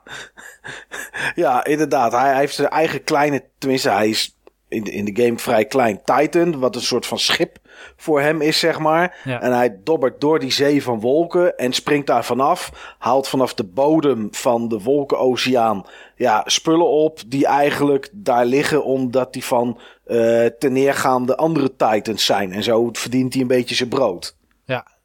Ja, En ehm, hij wordt ingehuurd door een eh, Nopon. Een Nopon is een soort creatuur dat in meerdere Xenoblade games voorkomt. Om mee te doen aan een soort mercenary missie. En eh, tijdens die missie ontmoet hij Pyra. En Pyra is een, eh, een vrouwelijk personage waar eh, veel over geschreven werd, nog voordat de game uitkwam. Vanwege de niet heel erg voor de hand liggende proporties van die vrouw. nee, dat klopt. Pyra dat- stond niet achteraan ter- terwijl ze uitgedeeld Nee, werden, zeg maar. Nee. Ik Nee. hoor net dat ik iets mis. Maar voor degene die zich daardoor laten afschrikken van het spel, dan doe je jezelf echt geen genoegen. Want ik heb nu dus de game uitgespeeld. En ik zie het wel el- echt als een soort meesterwerk binnen het genre. Ja. Want het, het is heel, ehm, heel ambitieus. Het is een Xeno-verhaal van eh, de maker uit de Xenogears en Xenosaga games. En hij heeft vroeger gewerkt aan Final Fantasy 5 en 6. Hij heeft het script geschreven voor 7, maar dat werd het niet omdat het te donker en te complex zou zijn. Dus toen heeft iemand anders uiteindelijk het script opnieuw geschreven. Toen is hij zijn eigen bedrijf begonnen bij Namco. En wat hij eigenlijk doet is hij pakt eh, hele filosofische werken.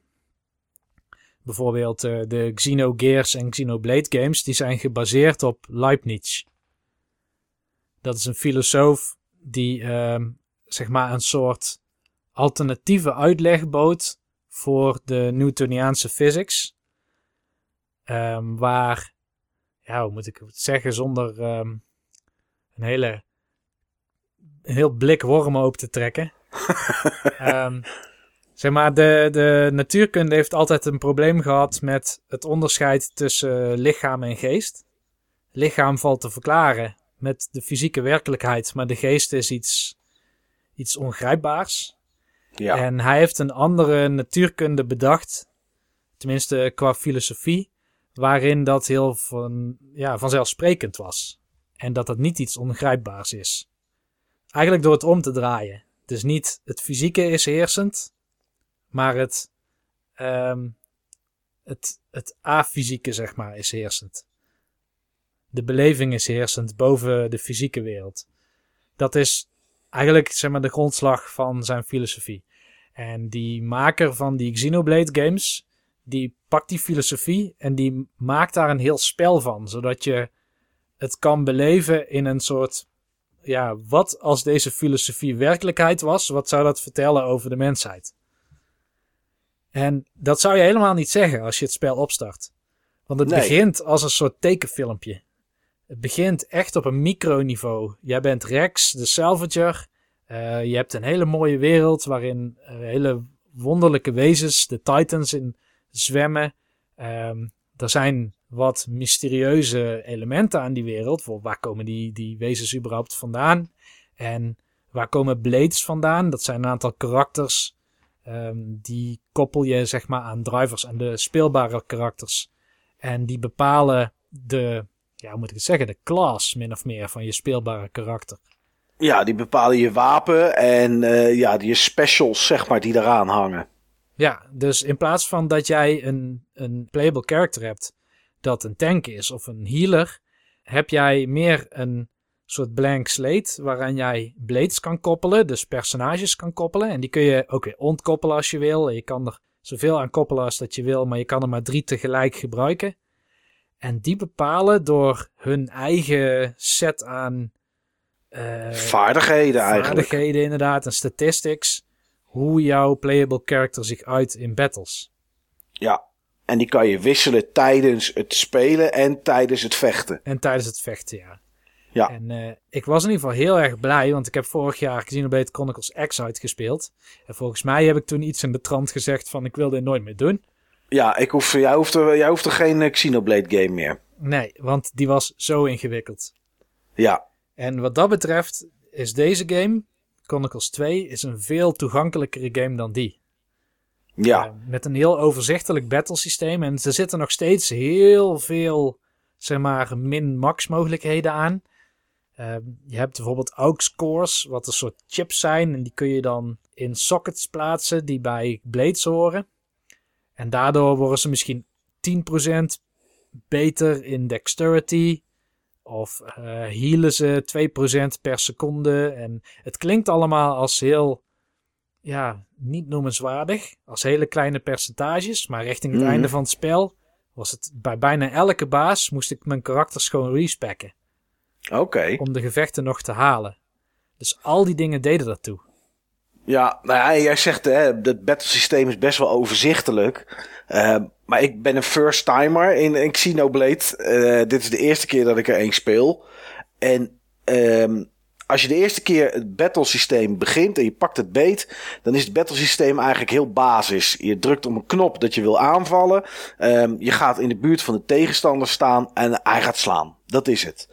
En ehm je hoeft zelfs niet te slaan, dat, dat gebeurt automatisch. Maar je moet wel zelf die specials aftrappen. En die, die specials die hebben een balkje dat ze opladen, wanneer, dat je ze kan, kan aftrappen. En dat is dan stap 1. eh, die er bovenop komt. Daarna komt er bovenop dat als je genoeg specials hebt gedaan, dan een soort van ja, super special of zo, noem ik het maar even voor de uitleg, zich opbouwt. Die kan je dan aftrappen. Daar zitten wat quicktime events in. Maar die die verhoogt zichzelf ook in, ehm in damage die je doet. Dus je ziet een eentje staan, dat is het eerste stadium. En dan gaat hij naar twee en naar drie en naar vier.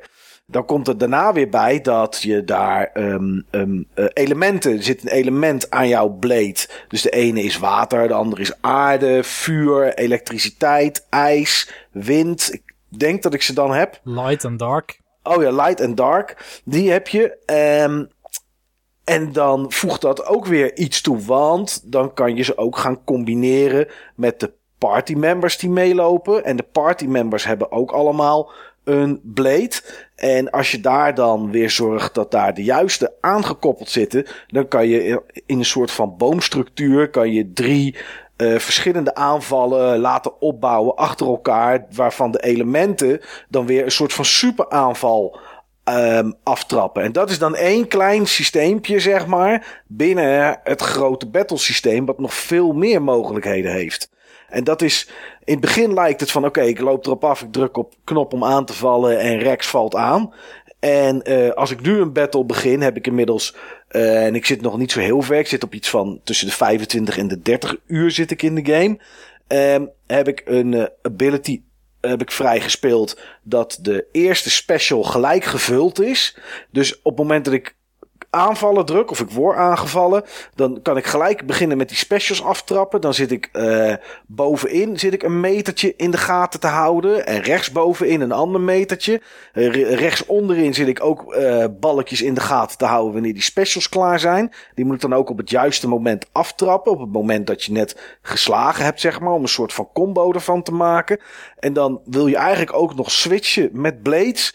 En ah, dan, dan ben je echt wel druk bezig in zo'n battle, hè, Niels? Want het is niet knop aan en gaan gewoon. Je moet echt wel wat doen. Ja, dat klopt. Op een gegeven moment dan is echt elke seconde doe je wel drie handelingen. Ja. In zo'n battle. En dat blijft helemaal tot het einde. Maar wat, wat wel is, is op een gegeven moment dan heb je een aantal blades die goed voor je werken. En een aantal karakters met die blades die eraan vast, zeg maar, die goed voor je werken. En dan kun je gaan wennen aan het, ritme van de game. Want wat jij Ja. zei bijvoorbeeld, die, die auto-attacks. In principe, Rex die slaat automatisch. En ook die andere Ja. karakters. Eh, en dit, dat bouwt ook automatisch die, die, die grote meter linksbovenin op. Ja. Alleen als jij nog op het juiste moment timed, dan doet het vaak extra damage. En je krijgt meer eh, van die meter, van die blade combo meter. Ja.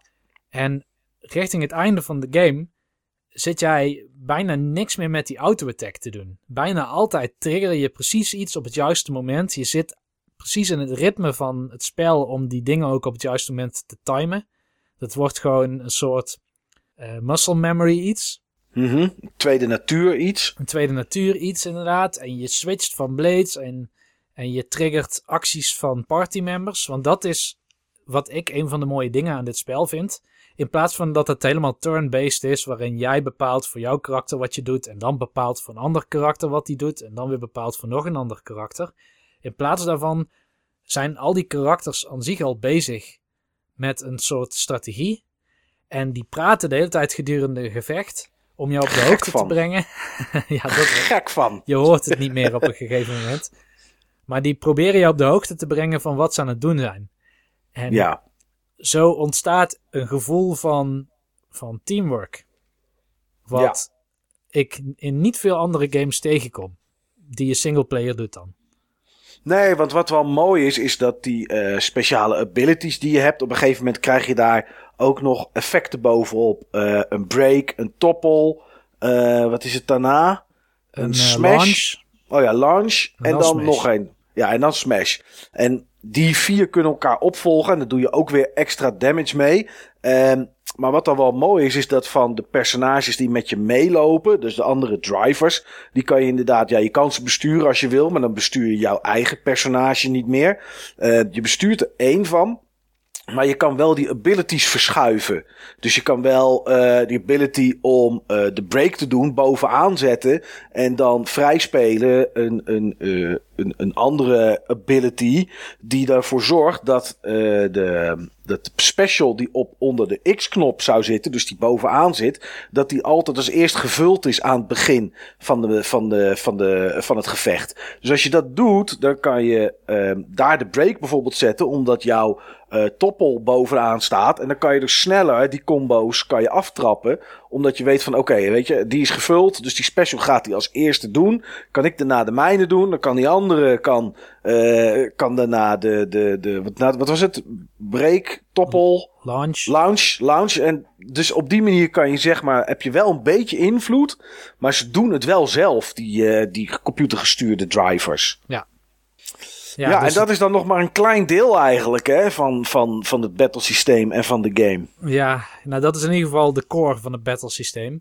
Ja. En gedurende het spel ben je vrijwel voortdurend zeg maar, aan de periferie van, van die core aan het sleutelen aan je karakters. Eh, bepaalde skills unlocken. Want elke blade, en je hebt, echt, je hebt echt zo verschrikkelijk veel blades. Je hebt sowieso random blades, maar je hebt ook eh, eh, rare blades.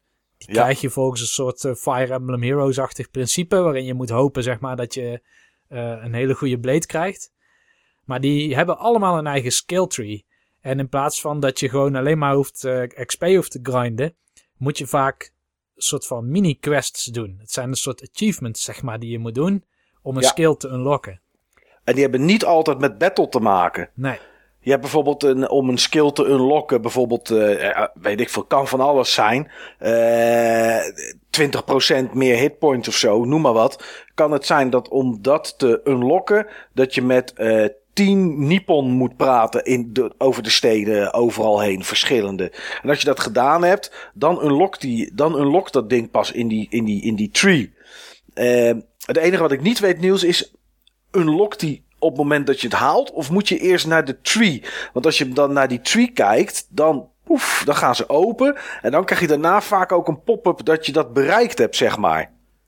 Eh, je unlockt ze op het moment dat je ze behaalt. Dus dan krijg je, dat wel. je krijgt eerst die pop-up. En daarna, als je dan naar het menu gaat en je kijkt dan bij die blade, dan Ja. zie je inderdaad die, zeg maar, die soort orbs, zeg maar, zie je dan unlocken. Oplichten. Ja, ja, En- ja. Volgens mij is dat allemaal gebufferd tot aan de volgende keer dat je het opent. Dus ik heb Ah, wel eens oké. een karakter gehad die ik dan een tijd niet heb gebruikt, maar die wel een aantal van die criteria behaald heeft. En Ja. dan schakel je naar dat karakter toe en dan in één keer unlock je twee rijen vol skills of zo. Ja, precies. Oké. Maar eh, ja, je- op een gegeven moment dan ben je echt puur bezig met welke blade kan ik nu het beste inzetten, zodat ik het beste, ja, de beste synergie heb tussen je partymembers. Eh dus je moet niet allemaal dezelfde type blades neerzetten, want dan kun je heel weinig combo's maken. Wat je eigenlijk wil is, je wil zowel elektriciteit als light en dark en eigenlijk al die, die elementen zou je iets mee willen doen. Want dat vergroot het aantal opties dat je hebt om extreem veel damage te doen. Want in het begin doe je misschien 20 damage. Nou, aan het einde van het spel doe je tegen de miljoen damage. Ja. Echt bizar veel. Ja. Maar ja, je hebt het ook nodig. Want ik bedoel, eh, je- wat ik zei, als je op die eerste, op die eerste echte Titan komt, dan, eh, dan nou ja, ik was volgens mij een level 8 of 9 personage. En dan loop je daar en dan zie je in één keer level 81 aap zie je daar rondlopen. En een eh, level 73 vogel zie je rondvliegen. Ja, weet je, daar win je het sowieso niet van op dat moment. Maar die, die, als je die later in de game zou willen verslaan, dan moet je echt zorgen dat je alles goed op een rijtje hebt. Ja. En het is ook, die gevechten in het begin is drie keer slaan of zo en is het klaar.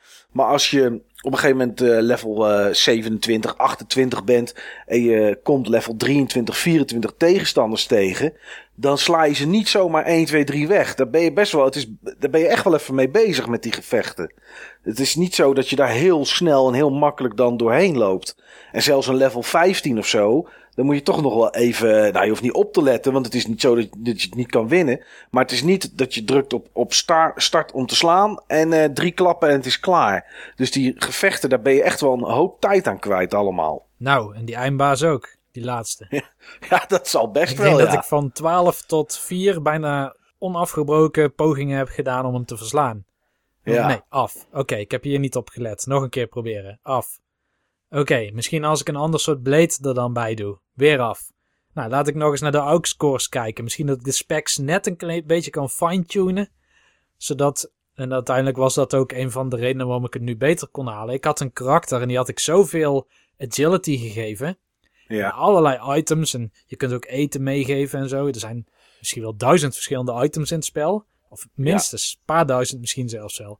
Ja, je hebt een tasje zeg maar. En in dat tasje kan je items doen en die consumeren ze. Ja, En dat kunnen ook muziek, eh muziekitems zijn. Het kan een gitaar zijn of zo, of wat dan ook. Nou, die eten ze dan niet op. Maar die heeft wel een duratie dat die, eh, dat die stats erbij geeft. En er zijn ook best wel dure items van een paar duizend eh, G, gold denk ik dat het is. Eh, heet gewoon G. En, en die geven dan voor eh, een uur lang eh 15% meer hitpoints, eh zoveel procent meer ether en, eh, en dan nog een stat. En die kan je dan in, in, een, in, een, ja, in een tasje stoppen. En als dat dan ook nog eens het juiste is voor die personage, dan, krijgen ze, dan worden ze er ook nog eens heel erg blij van. En eh, dat, je, dat je ze geeft wat ze, wat ze zoeken of wat ze nodig hebben. Dus dan is er, eh, ja, er is best wel een hoop te doen op die manier. ja. Nou ja, in ieder geval, om ermee af te sluiten. eh, ik heb nu alle drie de Xenoblade games ook gespeeld. En ehm, elke Xenoblade game vind ik de moeite waard. Ja. Ze zijn ook op een bepaalde manier met elkaar verbonden. In de zin van dat ze allemaal op de filosofie van Leibniz gebaseerd zijn. Plus er komen wat dingetjes in terug in de verschillende games. Ook trouwens met Xenogears van de PlayStation 1. Ehm, Want Xenoblade Chronicles, dat was ook met Titans, hè, toch? Ja, maar dat waren er twee. Ja, En die waren wel extreem groot. Die waren nog veel groter dan die Titans in Xenoblade Chronicles 2. leefde die ook in een wolkenwereld eigenlijk, of niet? Nee, die leefden in een platte wereld. Oké.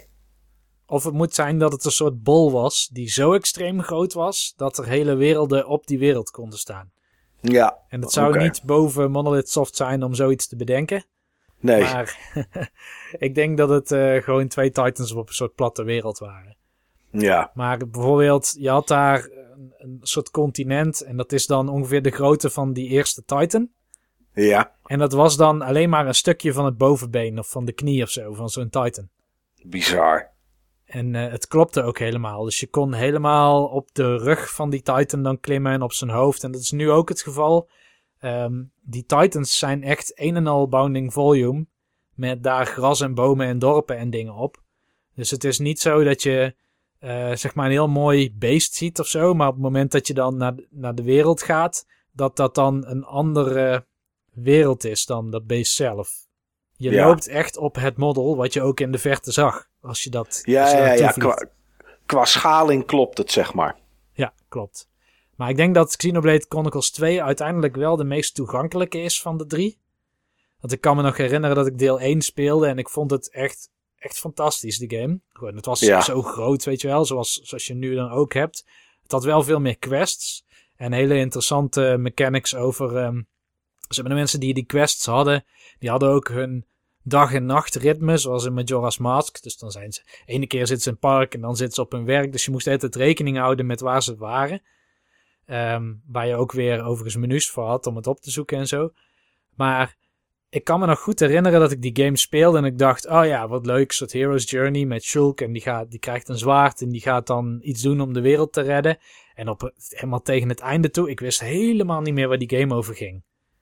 Want het wordt zo groot gemaakt, zeg maar Ja. omdat het al die filosofische thema's probeert te omvatten op een soort alomvattende manier. Ehm, en dat heeft Xenoblade Chronicles 2 ook wel. Alleen die heeft een veel subtieler verloop. Het is niet zo dat je driekwart van de game eh, de Hero's Journey doet en in één keer wordt het filosofie.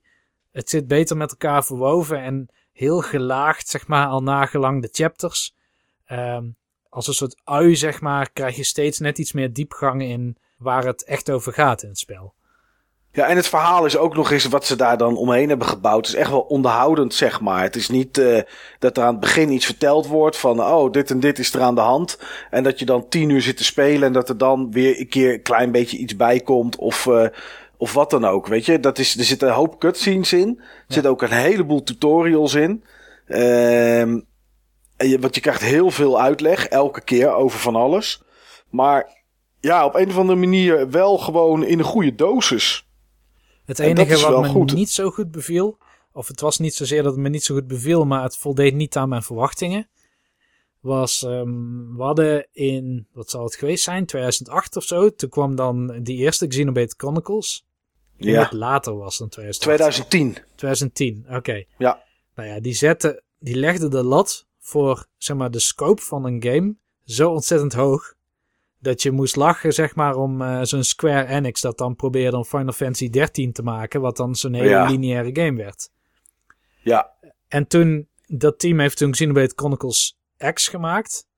Ja, die game was zo groot. Het was dan één wereld die geen laadtijden kende, waar je compleet overal ook kilometers hoog in de lucht overheen kon vliegen. Eh, dat was, denk ik, de grootste gamewereld van een singleplayer game die ik tot nu toe heb gespeeld.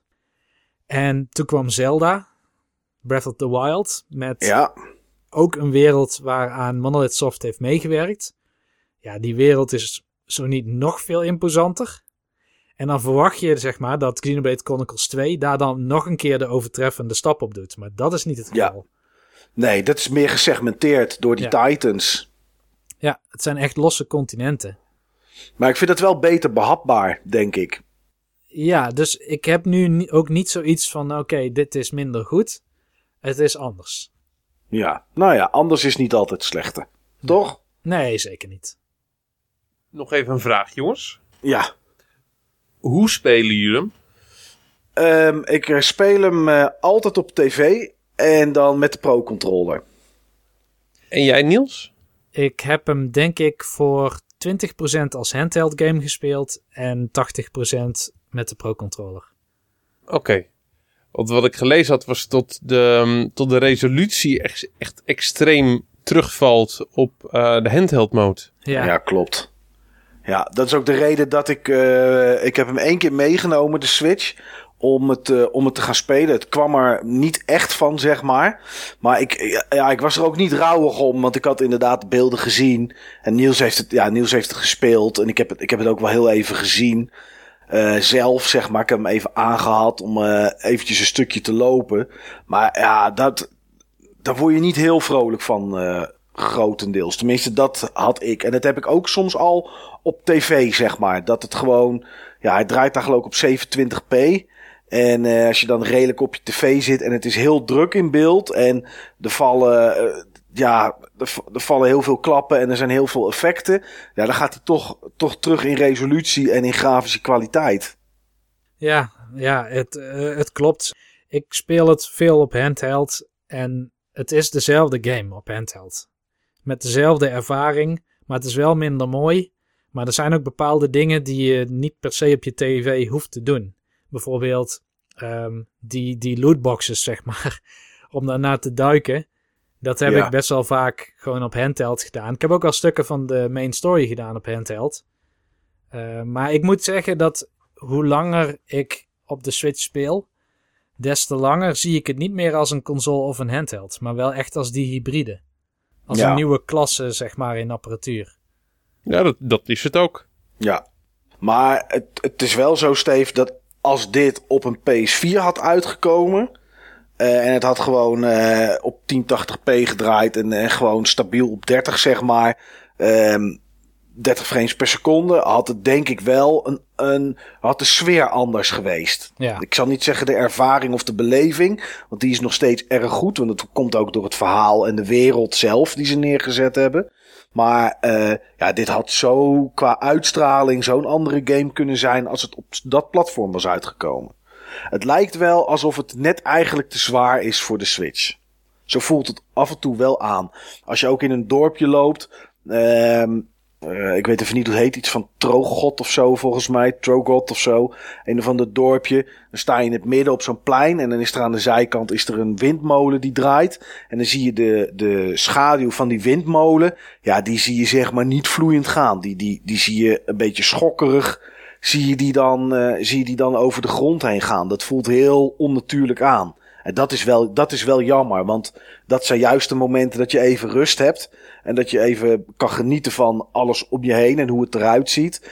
En uh, die werelden zijn ook echt wel heel mooi gemaakt. Het is echt heel sfeervol. Ze hebben allemaal een andere uitstraling. En ja, weet je, dan is het wel jammer dat dit aan de hand is op de Switch. Maar de ja. muziek trouwens, de muziek. Ja, die is goed. Wel, jeetje, imposant af en toe ook hoor. Hey, zo. Ja, maar het is ook van de muzikant van Chrono Trigger. Dus hij heeft alle muziek geschreven. Het sowieso zit Monolith Soft en het team wat aan deze game heeft gewerkt, zit vol met al die zeg maar, oude veteranen van uh, Square Enix uit de PlayStation 1 en 2 tijd. Ja. Um, dus eigenlijk uh, zeg maar een groot deel van de SNES veteranen die zijn um, geabsorbeerd in Alpha Dream en uh, Brownie Brown, zeg maar die, die mensen die aan Fantasy Life hebben meegewerkt en aan de Mario en Luigi serie. Maar van de, zeg maar, de grotere 32-bit uh, roleplaying games. Daar zit nu een deel dus van bij Monolith Soft. En dat merk je gewoon aan de game. Want het voelt als een game die, um, uh, ja, hoe moet ik het zeggen? Een, die een andere evolutie van het genre heeft meegemaakt. Niet de evolutie ja. die ging over het nog meer actiever maken van battlesystemen en het nog realistischer renderen van cutscenes. Maar die, die probeerde om bepaalde waarden van die oude roleplaying games met exploratie en, en schaal, zeg maar, om die nog steeds na te streven. Ja. Ja, nou, dat, dat, dat lukt ze goed, moet ik zeggen. Ja. Dat lukt ze echt heel, uh, dat lukt ze echt heel goed. De laatste game, die, die raak ik pas aan waar ik het over zou willen hebben tijdens uh, een van de volgende topics. Ja, nou, dan, uh, dan tik ik die ook aan, zeg maar. Dan ga ik het over één type game hebben dat ook ik tijdens de feestdagen heb gespeeld, Niels. En ehm, ja, dat is eigenlijk hetzelfde soort game als jouw Jack's Party Box. Ik kreeg namelijk van Sony kreeg ik een, eh, een, een setje Playlink games toegestuurd. En eh Playlink is het systeem van Sony waarbij je dus ook met je mobiele telefoon of je tablet meedoet met een game die op de PS4 draait. Eigenlijk precies hetzelfde als die Jack's Party Box ding. Alleen je moet wel in hetzelfde netwerk zitten. Ze zijn een tijdje nu bij de gratis games geweest van PlayStation Plus, toch? Eentje. Ja, Ja. En, die, en die ene, dat is eh That's You. Dat is, eh, dat is zo'n titel die, eh, die je kan spelen. Dat is een game waarbij je zeg maar, eh, nou, een beetje zoals Jack's Party Box, eh, vragen krijgt waar geen goed of slecht antwoord op is. Dat zou bijvoorbeeld zijn dat je met stel vrienden zit en ja, je gaat, de setting van die game is bijvoorbeeld van That's You is dat je bijvoorbeeld op reis gaat. En dan staat er bijvoorbeeld, wie zou in zijn koffer tien onderbroeken meenemen als je maar vijf dagen weggaat? Ik noem maar wat.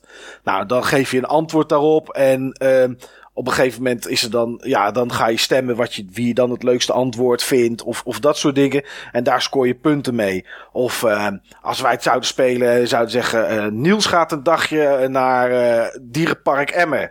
Teken wat voor t-shirt hij aan zou hebben. Nou ja, goed, dan doen we allemaal tekenen. En dan wordt er daarna gestemd wat de leukste is. Dat is zeg maar That's You. Ehm, maar ze hebben ook een setje uitgebracht in de winkel die je gewoon kan kopen. Dat zijn drie discs. Eh, het heet Playlink Collection, volgens mij. En daar zitten drie games in. Dat is eh, SingStar Celebration, Hidden Agenda en Knowledge is Power. Nou, ehm, ik heb ze allemaal alle drie gespeeld. Maar over SingStar ga ik niks vertellen, want daar vind ik helemaal niks aan.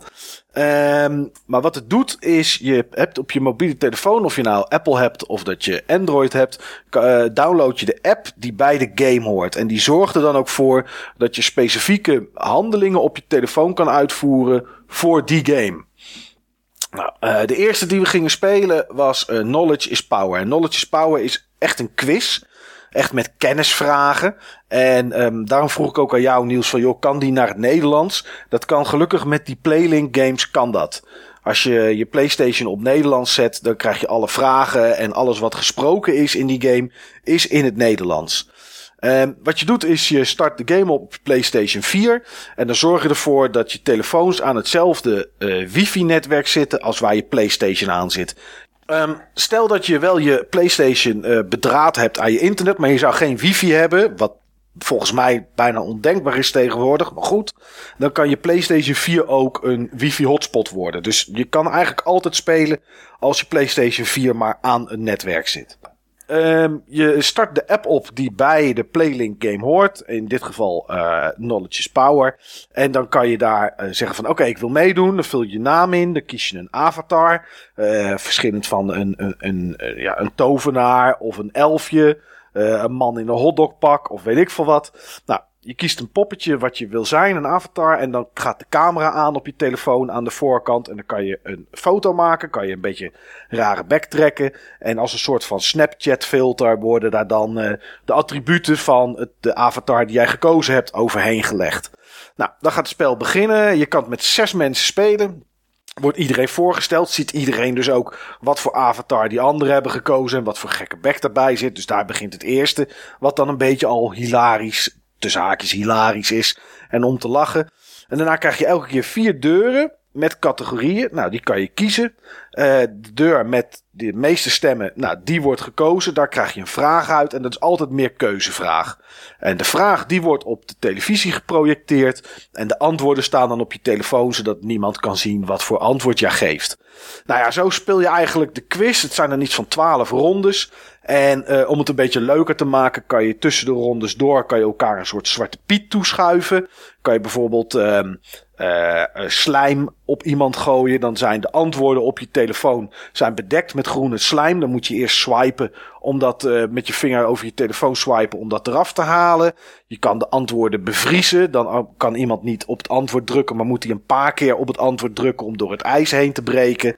En uh, ja, als je dat met z'n tweeën doet, dan is dat ja, vrij logisch. Dan gooi je dat soort dingen bij elkaar erop. Maar als je het met vijf of zes man speelt, dan zou je dus met drie of vier mensen kunnen, ervoor kunnen kiezen om al die zwarte pieten, zeg maar, om die allemaal te gooien op, um, op de persoon die bovenaan staat. En zo kan je een beetje, een beetje met dat soort dingen spelen. Um, tussendoor heb je dan nog een extra, twee extra rondes. Um, dan moet je, krijg je een, een, soort bal in beeld te zien. En die is door midden gesneden. En dan staat er bijvoorbeeld in de bovenste helft staan uh, uh, hoe heet het, acteurs. En in de onderste helft staan dan uh, personages die ze in een film spelen of in welke film ze spelen. Uh, en dan moet je ze aan elkaar linken zo snel mogelijk. Nou, dus kon je ook weer punten mee. En uiteindelijk moet je dan een piramide beklimmen. Ja, en degene die het eerst bovenaan is, die heeft dan gewonnen. Nou, is best, best leuk om te doen. Uh, ik had het met Bianca samen een keer gedaan om te testen. En uh, met kerst had ik het ook met Alisa erbij gespeeld. En als je dan, ja, als je hem dan op Nederlands zet. En je houdt een klein beetje rekening met de categorieën die iedereen een beetje snapt. Sommige dingen, ja, weet je, ik hoef bij Alisa niet aan te komen over Noorse goden. Bij mij ook niet. Maar ik heb dan nog wel eens uh, uh, Avengers gekeken. Dus ik weet nog wel wie Odin is en wie Thor is en Loki. Maar goed, uh, Alisa interesseert dat niet zoveel. Dus ja, dat zijn, dat zijn vragen waar zij het dan iets lastiger bij heeft. Maar op zich is dat wel leuk om te doen. Iedereen, ja, hetzelfde als bij Jack Partybox. Iedereen met een telefoon kan in principe meedoen. Behalve als je met een Blackberry aankomt of zo, die alleen maar kan teksten. Ja, dan heb je pech. Of zoals mijn vader met een Nokia 3310. Ja, dan kan je niet meedoen. Maar dan heb, is er, heb je vast wel in huis nog een, uh, een tabletje ergens liggen waar je, waar je dan mee kan doen. Um, de, ja, die andere game die we gespeeld hebben, dat was Hidden Agenda. En dat is, ja, daar heb ik een beetje gemengd gevoel bij. Uh, Knowledge is Power is echt leuk. Dat kan je ook nog wel vaker spelen. Maar Hidden Agenda is op papier een goed idee. De uitwerking is net iets minder. En dat komt toch door de technologie. Um, je hebt daar ook een losse Playlink app voor, voor Hidden Agenda. En Hidden Agenda is een, uh, is een thriller die je speelt. Dus je speelt een film. Het is gemaakt door. Uh, God, ik weet niet eens hoe ze heten. Uh, super, super, Supermassive of zo. Of hoe heten die gasten ook alweer? Nou, in ieder geval die gasten van uh, Until Dawn. Het zijn die, het is die, die ontwikkelaar. En um, ja, er is een seriemoordenaar genaamd The Trapper. En The Trapper is eigenlijk een soort jigsaw uit de, uit de Saw-films. Die vermoordt mensen door ze aan bommen vast te maken. Die dan ergens met een draadje aan een deur zitten. Dat als iemand de deur open doet, dat het ontploft. Um, en daar, die ben jij op het spoor.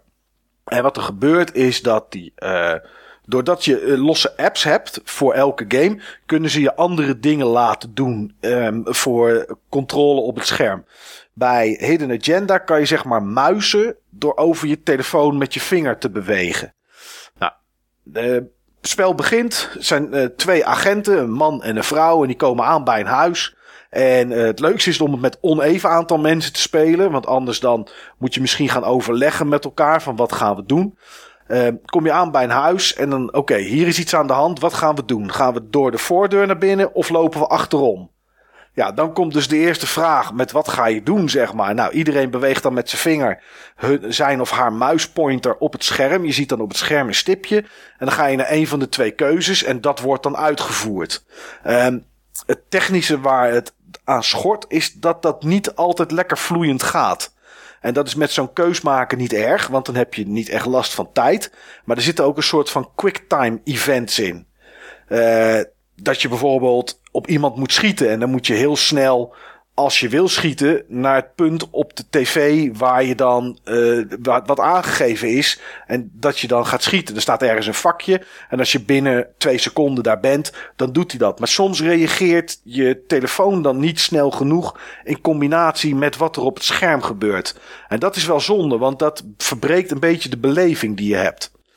Um, het is voor de rest wel aardig. Er zitten Net zoals in Until Dawn zitten er echt uh, ripple effects in, zeg maar. Dus steentje in het water gooien effect. Um, op het moment dat jij in het begin de, het huis aankomt en je kiest ervoor om naar binnen te gaan. Nou, dan, maakt, dan is er al een verschil met of je door de voordeur gaat of dat je de zijkant doet. Uh, ga je naar de zijkant, dan splits je sowieso op. Ga je door de voordeur naar binnen, dan kan je daarvoor kiezen van oké, wat gaan we doen? Gaat er één boven kijken? Gaat er één beneden kijken? En dat zijn van die momenten die dan leuk zijn op de bank. Want uh, iedereen weet natuurlijk dat als je een film kijkt waar uh, iets met uh, moordenaars en politie is, dat ze eigenlijk, ze gaan altijd uit elkaar. De een gaat die kant op, de ander gaat die kant op. En dan overkomt er altijd een van de twee iets. En dit is jouw kans om ervoor te kiezen dat dus niet te doen. Om te zeggen van nee, we blijven bij elkaar en we gaan samen die kant op. Maar ja, doordat je dat doet, uh, zou het zomaar kunnen zijn dat je boven iets mist. En dus dat is zeg maar de keuzes die je dan maakt. Um, je komt iemand tegen, wat ga je doen? Ga je hem neerschieten? Um, want hij heeft wel een pistool daar in de buurt liggen. Of ga je het met praten oplossen? Maar goed, als je het met praten oplost, kan het zijn dat er iets gebeurt waardoor de persoon die je gaat aan, aan het redden bent, dat die toch komt te overlijden. En misschien wilde je die juist wel redden. Maar ja, door die degene te redden, sta, stap je misschien een ander pad in, in het verhaal. En zo heeft het verhaal eigenlijk al, tenminste denk ik, um, want ik heb het niet twee keer helemaal gespeeld, maar ik heb wel twee stukken gespeeld. Komt, komt er een ander, een ander einde uit. Er zijn een, er zijn een rits aan eindes die, daar, uh, die, die je kan hebben aan de hand van de keuzes die je maakt. En die maak je dus in principe samen met degene die op de bank zitten. Um, je kan eventueel een troef spelen als je denkt van oké, okay, weet je, uh, we zitten met zes man. Uh, vijf man willen aan de zijkant van het huis naar binnen, maar ik wil door de voordeur en ik wil ook dat mijn wil wet is. Dan kan je een troef inzetten. Um, en dan, een soort dan, van veto. Ja, een veto. Kan je zeggen van oké, okay, gaan we niet doen, ik bepaal. Um, er zitten ook andere dingen in. Bijvoorbeeld wordt er gevraagd wie is het meest uh, vertrouwend of wie heeft het meest vertrouwen in de mensheid. Nou, dan kan je dan stemmen.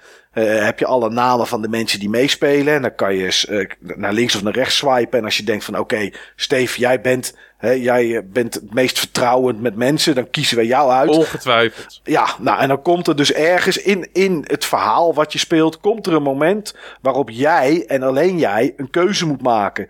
Uh, die keuze is bijvoorbeeld, je zit tegenover een gevangene. En die zegt van hé, hey, ik, kan, ik kan je iets vertellen. Uh, geef me pen en papier. Dan teken ik de kaart van waar je naartoe moet. Ja, als je een film zit te kijken en ze geven de pen en papier, dan denk je, ja, dit is stom. Want dan pakt dat potlood en dan steek je in je nek of weet ik veel ja. wat. Maar ja, aan de andere kant, als je het niet doet, dan mis je misschien wel informatie waardoor je de moordenaar kan pakken. Dus wat ga je doen? En die keuze kan dan zijn dat die bij één persoon wordt gelegd. En afhankelijk van wat diegene kiest, zie je dan zo'n zo'n soort steentje in het water, zo'n ripple effect zie je dan in een hoekje. En dat betekent dus dat de keus die je gemaakt heeft, die je gemaakt hebt op dat moment, uh, het verhaal, het verhaal verandert. Dan krijg je ergens een andere uitkomst. Nou ja, goed. Zo zijn er dus verschillende eindes en verschillende uitkomsten. En ik moet wel zeggen dat het einde dat Alisa en ik kregen, want we hebben hem uitgespeeld. Dat was in totaal, denk ik, anderhalf uur. Net zo lang als gewoon een film kijken. Uh, dat was zwaar onbevredigend. Ik, uh, het was afgelopen en ik dacht, oké, nou, dit is echt heel ruk. Maar ja, dat zijn de keuzes die wij gemaakt hebben. Soms uh, de quicktime events waar we te laat mee waren. Soms moet je clues zoeken en dan moet je met je muis moet je over, het, over het scherm gaan, zeg maar. Dus ga je met je vinger over je telefoon met een soort zoeklicht op het beeld. En dan moet je drie clues vinden. Ja, stel dat je een clue mist, dan kan je dus iets, weet je dus iets niet. Ja, en dan kan je het dus ook niet oplossen. En dan gaat het, neemt het verhaal een andere wending. Dus ja, ons einde was niet zo bevredigend. Alleen het enige wat je dan wel hebt is... Uh, ja, ga ik het hele verhaal nog een keer opnieuw doen... door geforceerd andere keuzes te maken? En dat denk ik niet. Dat is het enige nadeel, zeg maar. Je speelt het één keer. We hebben het verhaal gespeeld. Het is bij ons, was het einde X. Ja, weet je, ga ik het dan nu nog een keer opnieuw doen om het anders te doen? Nee, dat denk ik niet. En dat is, dat is dan wel een beetje jammer. Het is één keer spelen eigenlijk en dan is het klaar. Hetzelfde als met een Until Dawn of bijvoorbeeld met een eh, Heavy Rain. Dat zijn games die langer duren. Dus ja, dus vraag je je sowieso af of je dat nog een keer moet spelen. Maar ga je dat dan spelen en een andere keus maken dan je in het echt zou doen. Zodat je dan maar een ander einde ziet. Nou dat denk ik niet. Maar goed, uh, als het technisch goed werkt, zeg maar. En dat kan, ik weet niet waaraan het lag, want bij uh, Hidden Agenda en bij SingStar werkt het allemaal goed. Dus het zal iets in die app zijn die misschien wat laat reageert of zo, of wat dan ook op je telefoon. Uh, is het wel een, natuurlijk een interessant, vind ik het wel een interessant concept. Je zit met, je zit met vier, vijf mensen op de bank. Het is een horrorfilm. Ja, wat gaan we doen? Weet je, kies maar. En dan afhankelijk van wat je kiest, ja, be- beïnvloedt dat de uitkomst. En ja, of je de moordenaar pakt of niet. Of ja, wat dan ook. Dus dat is wel, eh, is wel grappig, moet ik zeggen. Ik vind het concept Playlink en hetzelfde bij die Jack Partybox wel interessant omdat iedereen eigenlijk wel een telefoon heeft. En eh nou ja, die Playlink-apps eh, zijn 120 MB of zo. Dus zijn ook zo binnengehaald. En dan, ja, dan kan je dus iets unieks spelen, zeg maar, met z'n allen. Zonder dat je 10 controllers moet kopen en allemaal moet opladen. Dus dat is wel, ja, ik vind het wel grappig, moet ik Ja, zeggen. het klinkt wel heel tof. Het is eh, voor een avondje, zeg maar. Ik heb ze nu ook uitgeleend aan een kameraad van mij. Die zei van ja, ik wil het eigenlijk wel. eh, volgende week heb ik ergens een met een stel mensen. Ik dacht eerst aan om bordspellen te gaan spelen. Maar ja, hij heeft niet zo'n hele grote tafel. En dan moet je heel veel uitleggen van de regels en dat soort dingen allemaal. Hij zegt, joh, heb je die, eh, kan ik die games van je lenen? Ik zeg, hier heb je ze alle drie. SingStar werkt net zo. Download je de SingStar app en dan wordt je eh, mobiel wordt een microfoon. Vind ik iets minder prettig, omdat als er iemand naast je zit met een okkiebokkie telefoon, zit er waarschijnlijk een iets minder goede microfoon in. Eh, en die van mij pikt alles op. Dus dan loopt die andere ook in mijn microfoon te zingen. Was ik iets minder fan van. Maar ehm, ja, weet je, het, iedereen kan meedoen gewoon. Ja, behalve als je telefoon leeg is. Maar ja, goed, weet je, dan, eh, dan houdt het sowieso snel op natuurlijk. Dus dat is wat ik eh, naast Xenoblade eh, gespeeld heb. Ehm, dan is het nu tijd, jongens, voor onze eerste break. We zitten al richting de twee uur en, en we moeten nog wel even. Dus wij gaan snel even wat te drinken pakken, tenminste ik wel. En nou, dan zijn we zo bij jullie terug.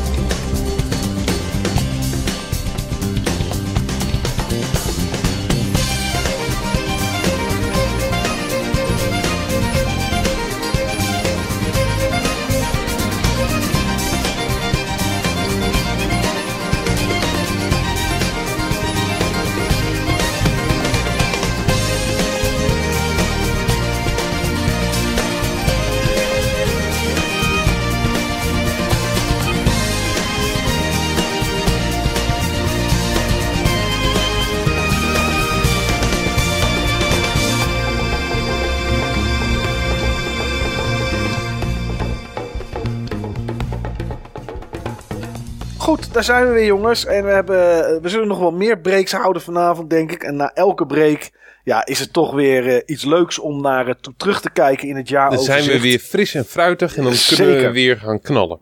Nou, laten we eens beginnen te knallen bij jou, Steve. Hoe was eh, eh, jouw Secret Santa van Button Bashers? Want elk jaar doen we dat.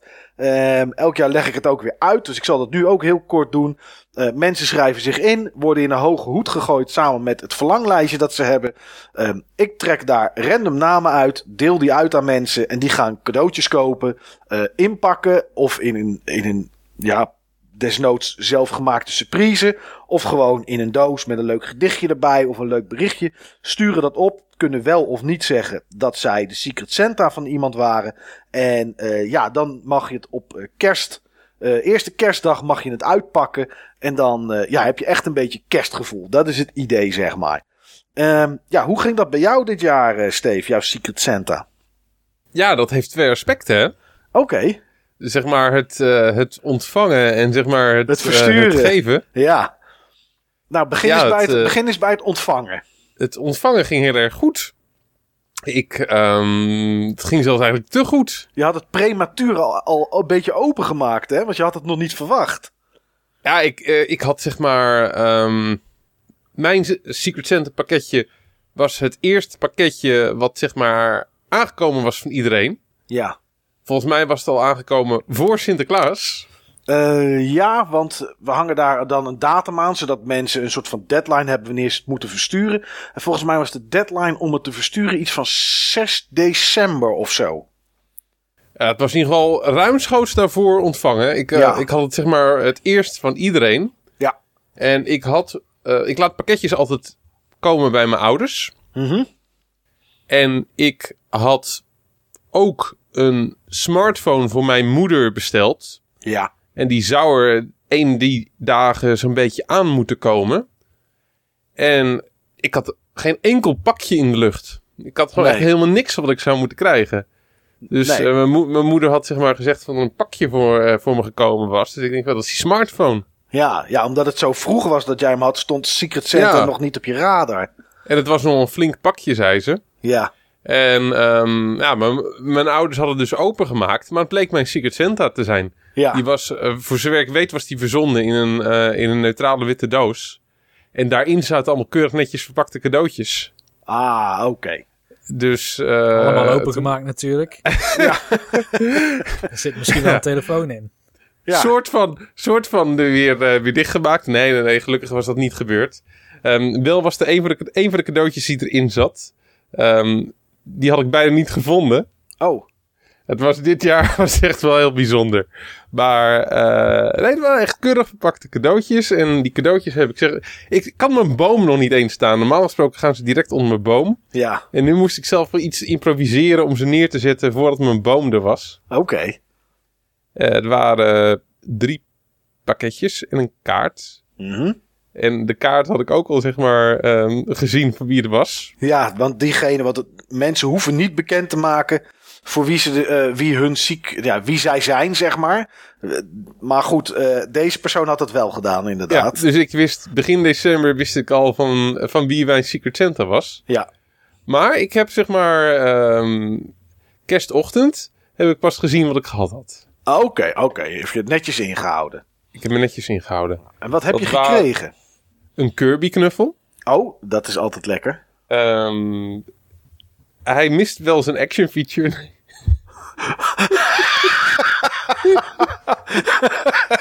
Oké, ja. Eh, nee, ik ga helemaal. ja. Een, bordspel. Ja. Een bordspel, King Domino. Wat ik, eh, wat ik zelf een heel leuk bordspel vind. Wat Ja. ik verschillende keren gespeeld heb op beurzen. En die ook stond op mijn lijstje met, ehm, met, ehm, met bordspellen die ik nog wou hebben op het forum. Oh, Ik had een paar dingen Ik ken genoemd. natuurlijk jouw slaapkamer. En ik zie jou nu liggen in bed met die Kirby knuffel. Scheldend dat die stuk is. Oké, ja. Bord, bordspel, King nog iets. Ik heb het niet eens King, gehoord. King Domino. King Oh, Domino. King Domino, oké. Erg leuk spel. En een zelfgemaakt, eh, zelfgemaakt tasje van eh, Commander Keen. Oh, zo, dat is een retro. Ja, dat vond ik ook. Oké, Dus ik, eh, nee, eh, ik was getrokken door Hanneke. ja. En Hanneke had er echt werk van, van gemaakt. Dat vond ik leuk. Ja, dat is Dus, leuk. dat was vorig jaar het geval. En volgens mij het eerste jaar ook. Ja, tot nu toe was het alle jaren het geval. Oké, Ik, heb het nu, ik, ik heb het steeds erg getroffen. nou, dat is, dat is tof. Ja. Maar goed, zoals je zegt, zit er ook een verzetaspect aan. Ja.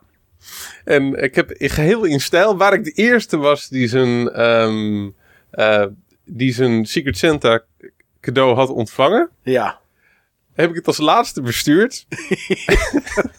ja ook Voor de dat klopt. suspense, hè, voor de suspense. Ja, voor de suspense. Yo, ik, eh, misschien dat, ik, dat we er zo meteen nog even over, over hebben, maar ik zat in die periode niet zo heel lekker in mijn vel. Ja, En het liep niet zo heel erg vanzelf om het allemaal geregeld te krijgen op de manier die ik wou. nee. De, de cadeautjes had ik volgens mij nog eerder binnen dan dat ik zeg maar mijn. ehm, dan ik eh, zelf mijn Secret Santa had ontvangen. Ja, die had je vrij snel inderdaad. Die had ik echt vrij snel. Maar ik, ik, ik kreeg het gewoon niet geregeld. Ik kreeg het gewoon Nee. niet voor elkaar. Maar het is allemaal, eh, het is allemaal gewoon op tijd, eh, op tijd geregeld op de manier zoals ik, eh, zoals ik wou. Ja. En daar was ik echt enorm content mee, als ik eerlijk ben. Nou, ik niet. Maar dat ik heb er namelijk een hoop werk aan gehad aan jou. Is dat zo? Ja, nou ja. Kijk, ik, ik, ik, omdat ik degene ben, zeg maar, die de namen distribueer. En eh, Niels zei vorig jaar van, ja, als ik dat moet doen, dan, eh, dan, eh, dan, wil ik het, dan wil ik het best doen. Maar dat, nou goed, ik vind het ook leuk om te doen. Maar als mensen vragen hebben, is het, is het, ondanks dat zij wel weten wie zij hebben, gaat dat zeg maar door mij. Voor de mensen die nu zitten te luisteren en niet weten hoe het werkt. Eh, Hanneke, die had jou, Steef. Nou ja, als Hanneke dan een vraag heeft, is het niet leuk als Hanneke direct naar Steven een mailtje stuurt. Of een bericht stuurt met zegt: Hoi, wat bedoel je hier precies mee? Dus dat gaat door mij. Maar ook als pakketjes dus.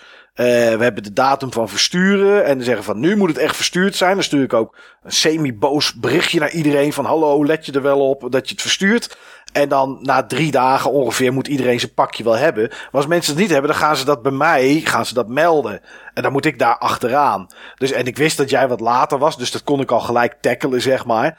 Maar ook met hoe jij je cadeautje verpakt had, had ik nog wel een soort van werk aan om, eh, om ervoor te zorgen dat diegene ook uiteindelijk kreeg wat hij dacht dat hij moest krijgen. Maar vertel eerst eventjes wat je, wat je, wat je gedaan had, Steve. Ik, ehm, ik had een eh, gedicht gemaakt van 80 regels. Ja. Ehm, waarbij ehm, ik echt een heel mooi verhaal had gemaakt waarom zeg maar, die persoon juist dat cadeau had gekregen. Eh, en waarbij ik echt heel erg specifiek verwees naar eh, de cadeaus die die persoon had gekregen en het hele hoe en wat. Dat was, maar dat waren de cadeaus helemaal niet. Nee. De cadeaus die waren vermomd. Ja. Ik had zeg maar twee PlayStation 4 games gekocht. En die twee PlayStation 4 games, die had ik zeg maar vermomd als twee exemplaren van Destiny 2. Ja. Je had, een hoesje gepri- je had twee hoesjes geprint hè, en die had je erin gedaan. En wat had, je met Ja. de, wat had je met de discs gedaan? Want daar heb ik vage dingen over gehoord dat ik het niet snapte. Ik had ze gewoon omgedraaid. Oh, je had ze omgedraaid. Ja, ik had ze gewoon omgedraaid. Ik had, joh, ik, eh, zeg maar alle boekjes die erin zaten en dergelijke, die had ik zeg maar, ehm, eh, die had ik omgekeerd. Ja. Dat ze er van binnen naar buiten zaten. Tot er zeg maar niets was wat zeg maar kon... eh, deed denken aan een andere game. Mhm. En ehm, de discs had ik omgekeerd. En voor de covers had ik dus iets anders geschoven. Ja, precies. En ik had best wel hoogwaardige prints. Ja. Dus kijk, je zag het wel. Maar als je zeg maar eh, vluchtig keek, dan zag je het niet. Nee. En zeker met een heel, ehm, met, met een heel gedicht erbij. Wat echt specifiek verwees naar, ehm, naar, naar, naar Destiny 2. Ehm, ja, dat, eh, dat, dat had je dan echt niet door. Eh, eh, althans, ik had, niet, ik had niet verwacht van dat hij het niet zelf zou, zou vinden. Nee. Maar had het gewoon echt zelf niet gevonden. Nee, nou dat, wa dat was het inderdaad. En ja, ik, eh, ik, ik had ook heel lang kunnen wachten, zeg maar. Maar op een gegeven moment dacht ik toch van... Ja, ik, ik, moet, iets, ik moet iets zeggen, zeg maar. Omdat, ja, weet je, ik, dat zag ik als een soort van mijn rol. Dus ehm dat, dat ging ongeveer... Je had inderdaad, hè, aan de buitenkant was Destiny. Aan de binnenkant waren boekjes zo gedraaid dat je het niet zag. En de disc zat ondersteboven. En hij had er twee. Nou, dus, dus ik zeg op een gegeven moment tegen deze persoon. Eh, eh, kunnen we wel zeggen wie het is. Het is Sven eh, op het forum 799 van Praatje Podcast. Ik zeg, ben je blij met je tussen haakjes Destiny's 2? Omdat ik zoiets had van, ja, ik moet die jongen toch een beetje sturen. Hij zegt, ja, je klinkt verrast. Ik zeg, ja, maar dat komt vooral doordat het iets anders is. En hij zegt, hoe bedoel je dat? Ik zeg, heb je de games al opengemaakt? Hij zegt, ja, ik zag het eh, eh, zodra ik de pakjes had uitgeprakt aan het printwerk. Dus ik denk, nou, hij heeft het door dat daar, ehm, wat zat erin? Murdered Soul Suspect en die andere was? Tales Eh, of nog Tales iets, of, of eh, Tales of Citeria of zo. Een van die Tales games. Ja. Dus hij zegt, ja, ik zag het aan het printwerk, maar iets met een gegeven paard. Ik zeg, oké. Ik zeg, nou ja, dan is het goed. Want ik denk, hij heeft het dus door dat er wat anders in zit. Ik zeg, maar jij wilde jouw Santa even uit de tent lokken. Dat, omdat hij een foto had geplaatst op het forum met Destiny en dat was het. En hij zei, dus hij deed alleen maar lachen. En ik zeg, ja, ik zeg, ik weet niet eens welke games het eigenlijk meer waren. En toen kreeg ik zo'n emote terug van zo'n poppetje die aan zijn kin zit omdat hij aan het denken is. ik zeg, oh ja, ik zeg, en nu zie ik het weer. Eén is iets met Tails, want ik had een foto op mijn op mijn telefoon, maar die had ik al verwijderd. Dus ik zag in WhatsApp, wat je had het gestuurd, Steve, zag ik heel vaag de contouren iets. Ik zeg, eh, ik zeg, wat was die andere ook alweer? En toen werd het vaag. Toen zei hij, over welke games heb jij het dan? Over de PS Plus games? Of heeft Steve een satanisch slecht spel in de hoesjes van Destiny 2 gestopt? Hij zegt, ik wist trouwens niet eens dat kopietjes werkten op de PS4. Dus hij dacht dat jij eh, Destiny 2 geprint had, de hoesjes, en twee kopietjes had gemaakt van Destiny 2 en die naar hem opgestuurd. Het is nou Het is mooier echt- dan het masterplan van Steve.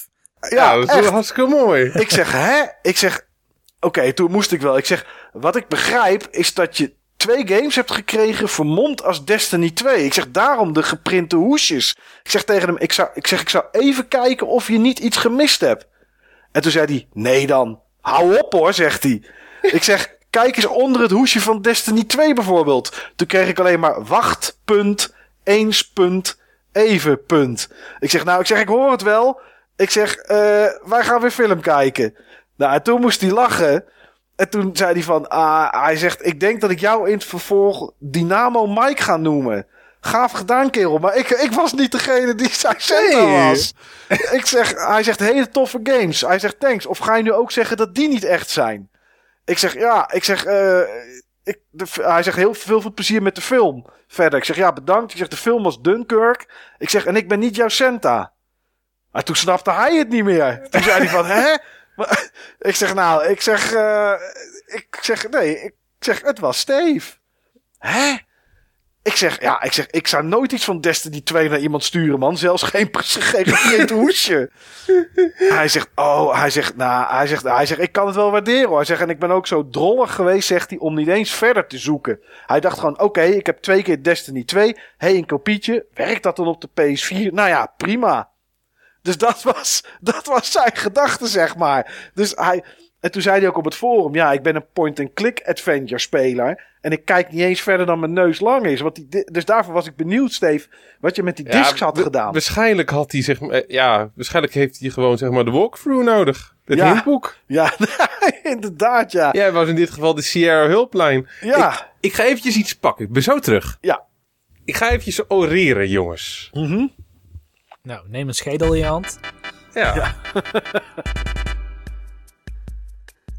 Hallo Seven. Hallo Sven. Je snapt vast snel wie ik ben. Doe maar PS4 spulletjes voor mij. Daarvan wordt deze Santa blij. Want de PlayStation is een mooi apparaat dat bij mij thuis ook vaak aanstaat. Maar ondanks dat ik menig game bestel, speel ik dan toch vaak maar één spel. Een spel met stijl en met elan dat je altijd blijven spelen kan. Want deze topper kent geen eind. Enkel de eindeloze grind.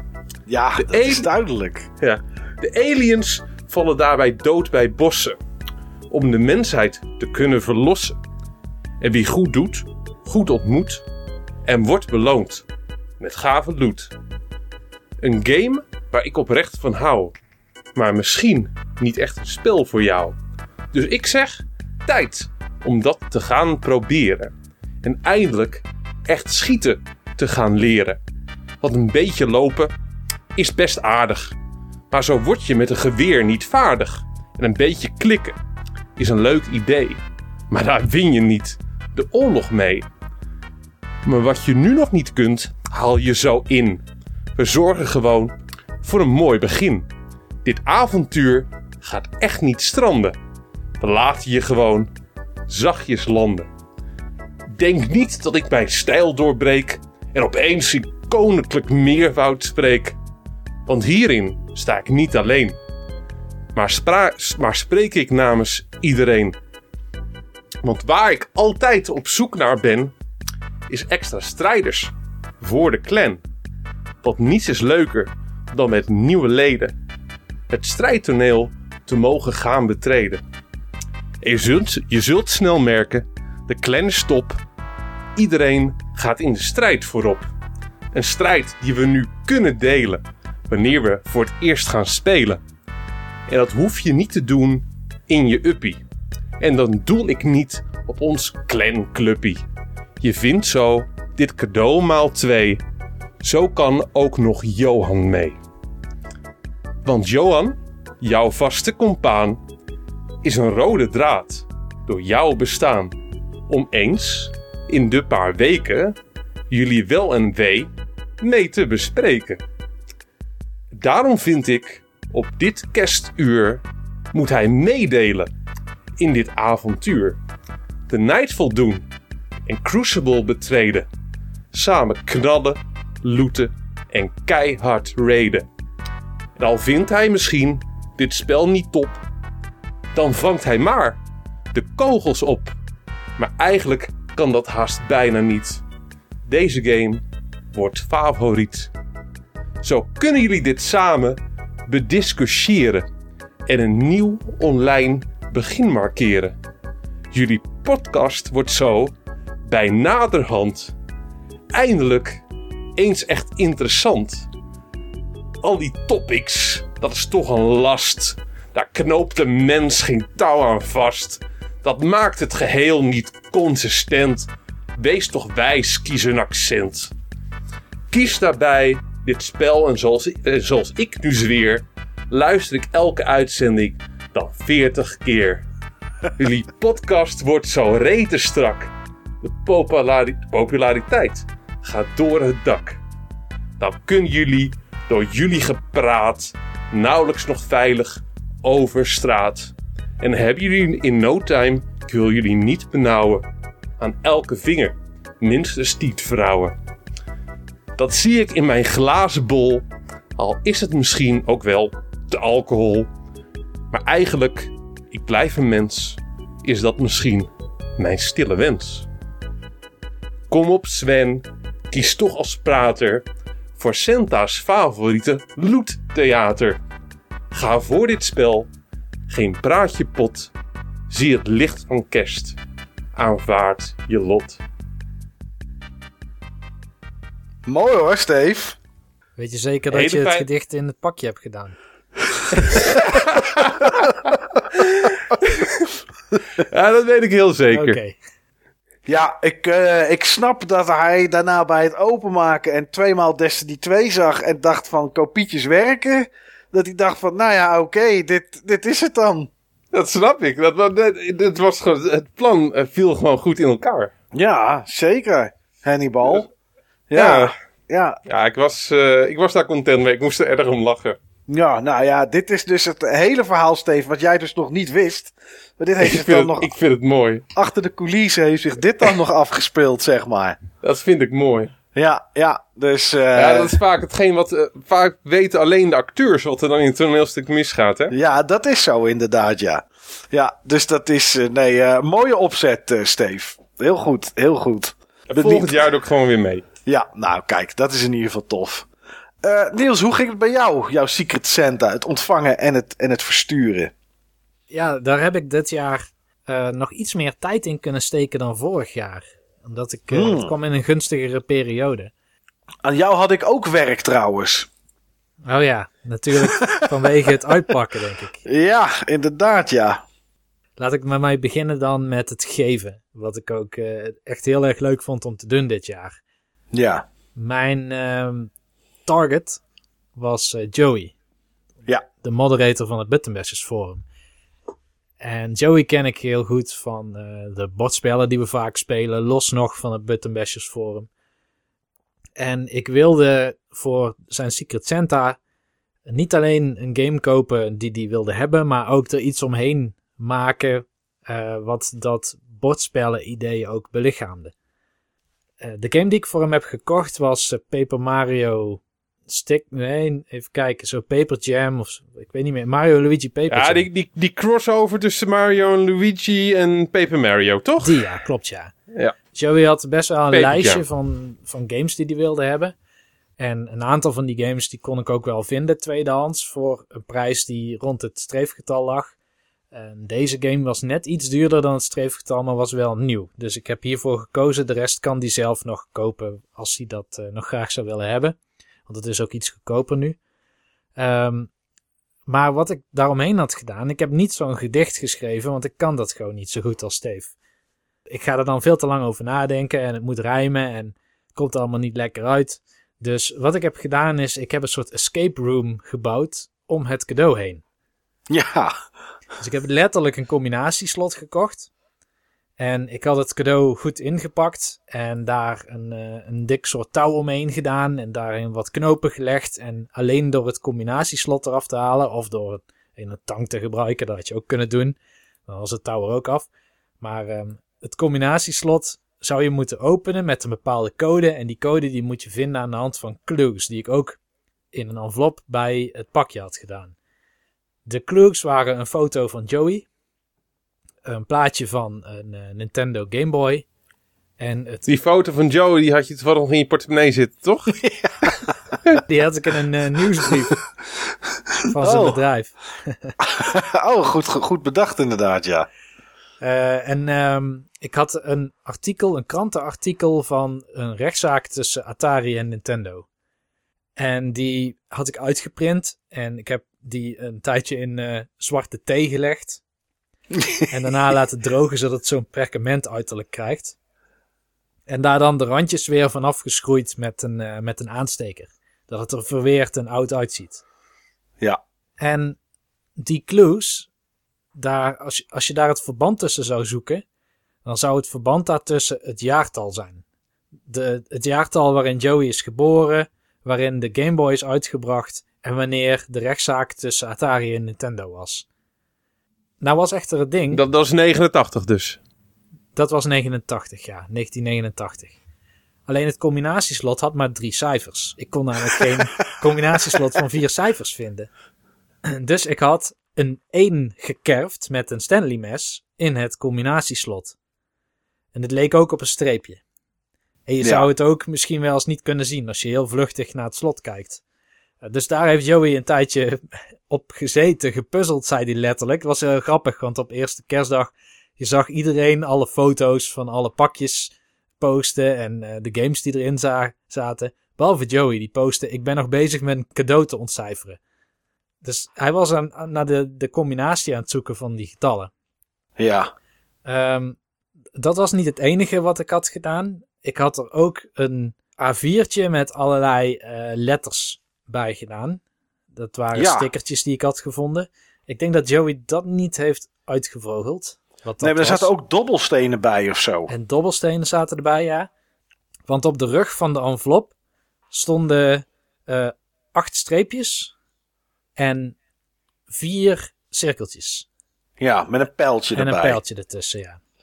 De streepjes kon je vinden als jij... eh, ik had namelijk ook zo'n zo'n plastic sleeve waar je A4'tje in kan stoppen. Die je Ja. bijvoorbeeld weer in de multomap zou kunnen stoppen. Die had ik ook erbij gedaan. En daar stonden allerlei streepjes op. En als je dan dat vel met die letters in die sleeve stopte... dan zag je dat de streepjes precies onder de letters kwamen te staan. Oh, oké. Ja, ja. Net zoals je wel eens ziet in een film dat ze gaan ontsnappen uit de gevangenis. En dan krijgt er iemand een boek en dan leggen er zo'n overlay overheen. En dan staat er wanneer en hoe laat. Ja, precies. Op die manier. Ja, ja, ja. Ja. En daar zou dan apenhul komen te staan. En die Oh, zou je dan invullen op die streepjes. En die, Oh, die dobbelstenen, ja. daar zaten cirkeltjes op. Ja, geplakt. dat zie ik inderdaad. Ja, en die zitten op een cijfer geplakt. Ja, ik zie een 4, een 6, een 3 en ik gok dat die andere een 1 is. Juist. En die corresponderen dus ook met die sleeve. Dus het is een soort legenda naar andere letters. En daar zou dan weer Joey uitkomen. Oh, dus er staat eigenlijk apenhul, pijltje Joey. Ja, ja, in- is de Santa van Joey. Oké. Jeetje, Niels. Dat is nogal wat. Ja, het was wel leuk om te doen. Maar het heeft eh, ja, veel meer gekost, zeg maar, dan, eh, dan je normale een Secret Santa actie zou uitgeven. Maar het was alles waard gewoon omdat het leuk is om zoiets te verzinnen. Net Ja, als dat Steve dat hele gedicht had verzonnen, waar geheid veel tijd in gestoken is. Zo heb ik dat gedaan in iets wat iets meer bij mij past, het bedenken van een spelsysteem. ja, ja, dat snap ik. Oké, leuk man. Maar goed, je hebt ook gekregen. Ik heb ook gekregen inderdaad. Eh, dat liet eigenlijk niet naar zich raden. Er stond heel groot Secret Santa op met mijn naam. Dus het is niet alsof andere mensen die hebben uitgepakt. Hoewel het ook bij mijn ouders was binnengekomen. Ehm, ze wisten niet wat Secret Santa was. Misschien was Nee. het wel iets heel engs. Dat wisten ze allemaal niet. Maar goed, eh, het pakje is eh, uiteindelijk aan mij overgedragen. Antraxbrief. Ja. Ehm, ik heb die opengemaakt direct na 12 uur s'nachts. Ja, Dus eigenlijk op de, ja, zeg maar wat men kerstnacht noemt. En Ja, precies. nee, doe ik meestal ook. Dit jaar niet, maar dat is zeg maar inderdaad... Oh, het is 1 over 12. Dan is het officieel eerste kerstdag, dus mag die open. Ja, en dat kwam, ik was met familie en die waren heel benieuwd wat Secret Santa is. Ah, oké. Dus ik vertelde, nou dit is een actie, die doe ik met mensen op, eh, op een internetforum. Iedereen Toen waren ze benieuwd naar wat een internetforum is. Ja, nou ja, dat, dat weten ze dan ondertussen wel. Ehm, en ik zei dus, ja, je, je hebt iemand waar je iets naartoe stuurt van een bepaald bedrag. En iemand anders, en je weet niet wie, die koopt ook weer iets voor jou en die stuurt het naar jou toe. Nou, het idee klinkt heel eh, eng voor sommige mensen. Van, ja, maar wat als jij dat doet en iemand anders doet dat niet? Ik zeg, nou ja, de community waarmee we dat doen is klein genoeg om, eh, om dat soort dingen te voorkomen, denk ik. Ja. Maar eh, ik had dus inderdaad ook een pakje en ik, ik maakte het open en er zaten eh, drie dingen in uit mijn hoofd. Er zat namelijk nog een pakje in. Er zat een mok in. Een, een koffiemok. Ja, Een hele ja, epische koffiemok. Hij ziet eruit alsof je er respect mee wil af wil dwingen. Dus ik denk dat ik hem op mijn werk ga gebruiken. Wa- Wat voor soort koffiemok is het? Wat staat erop?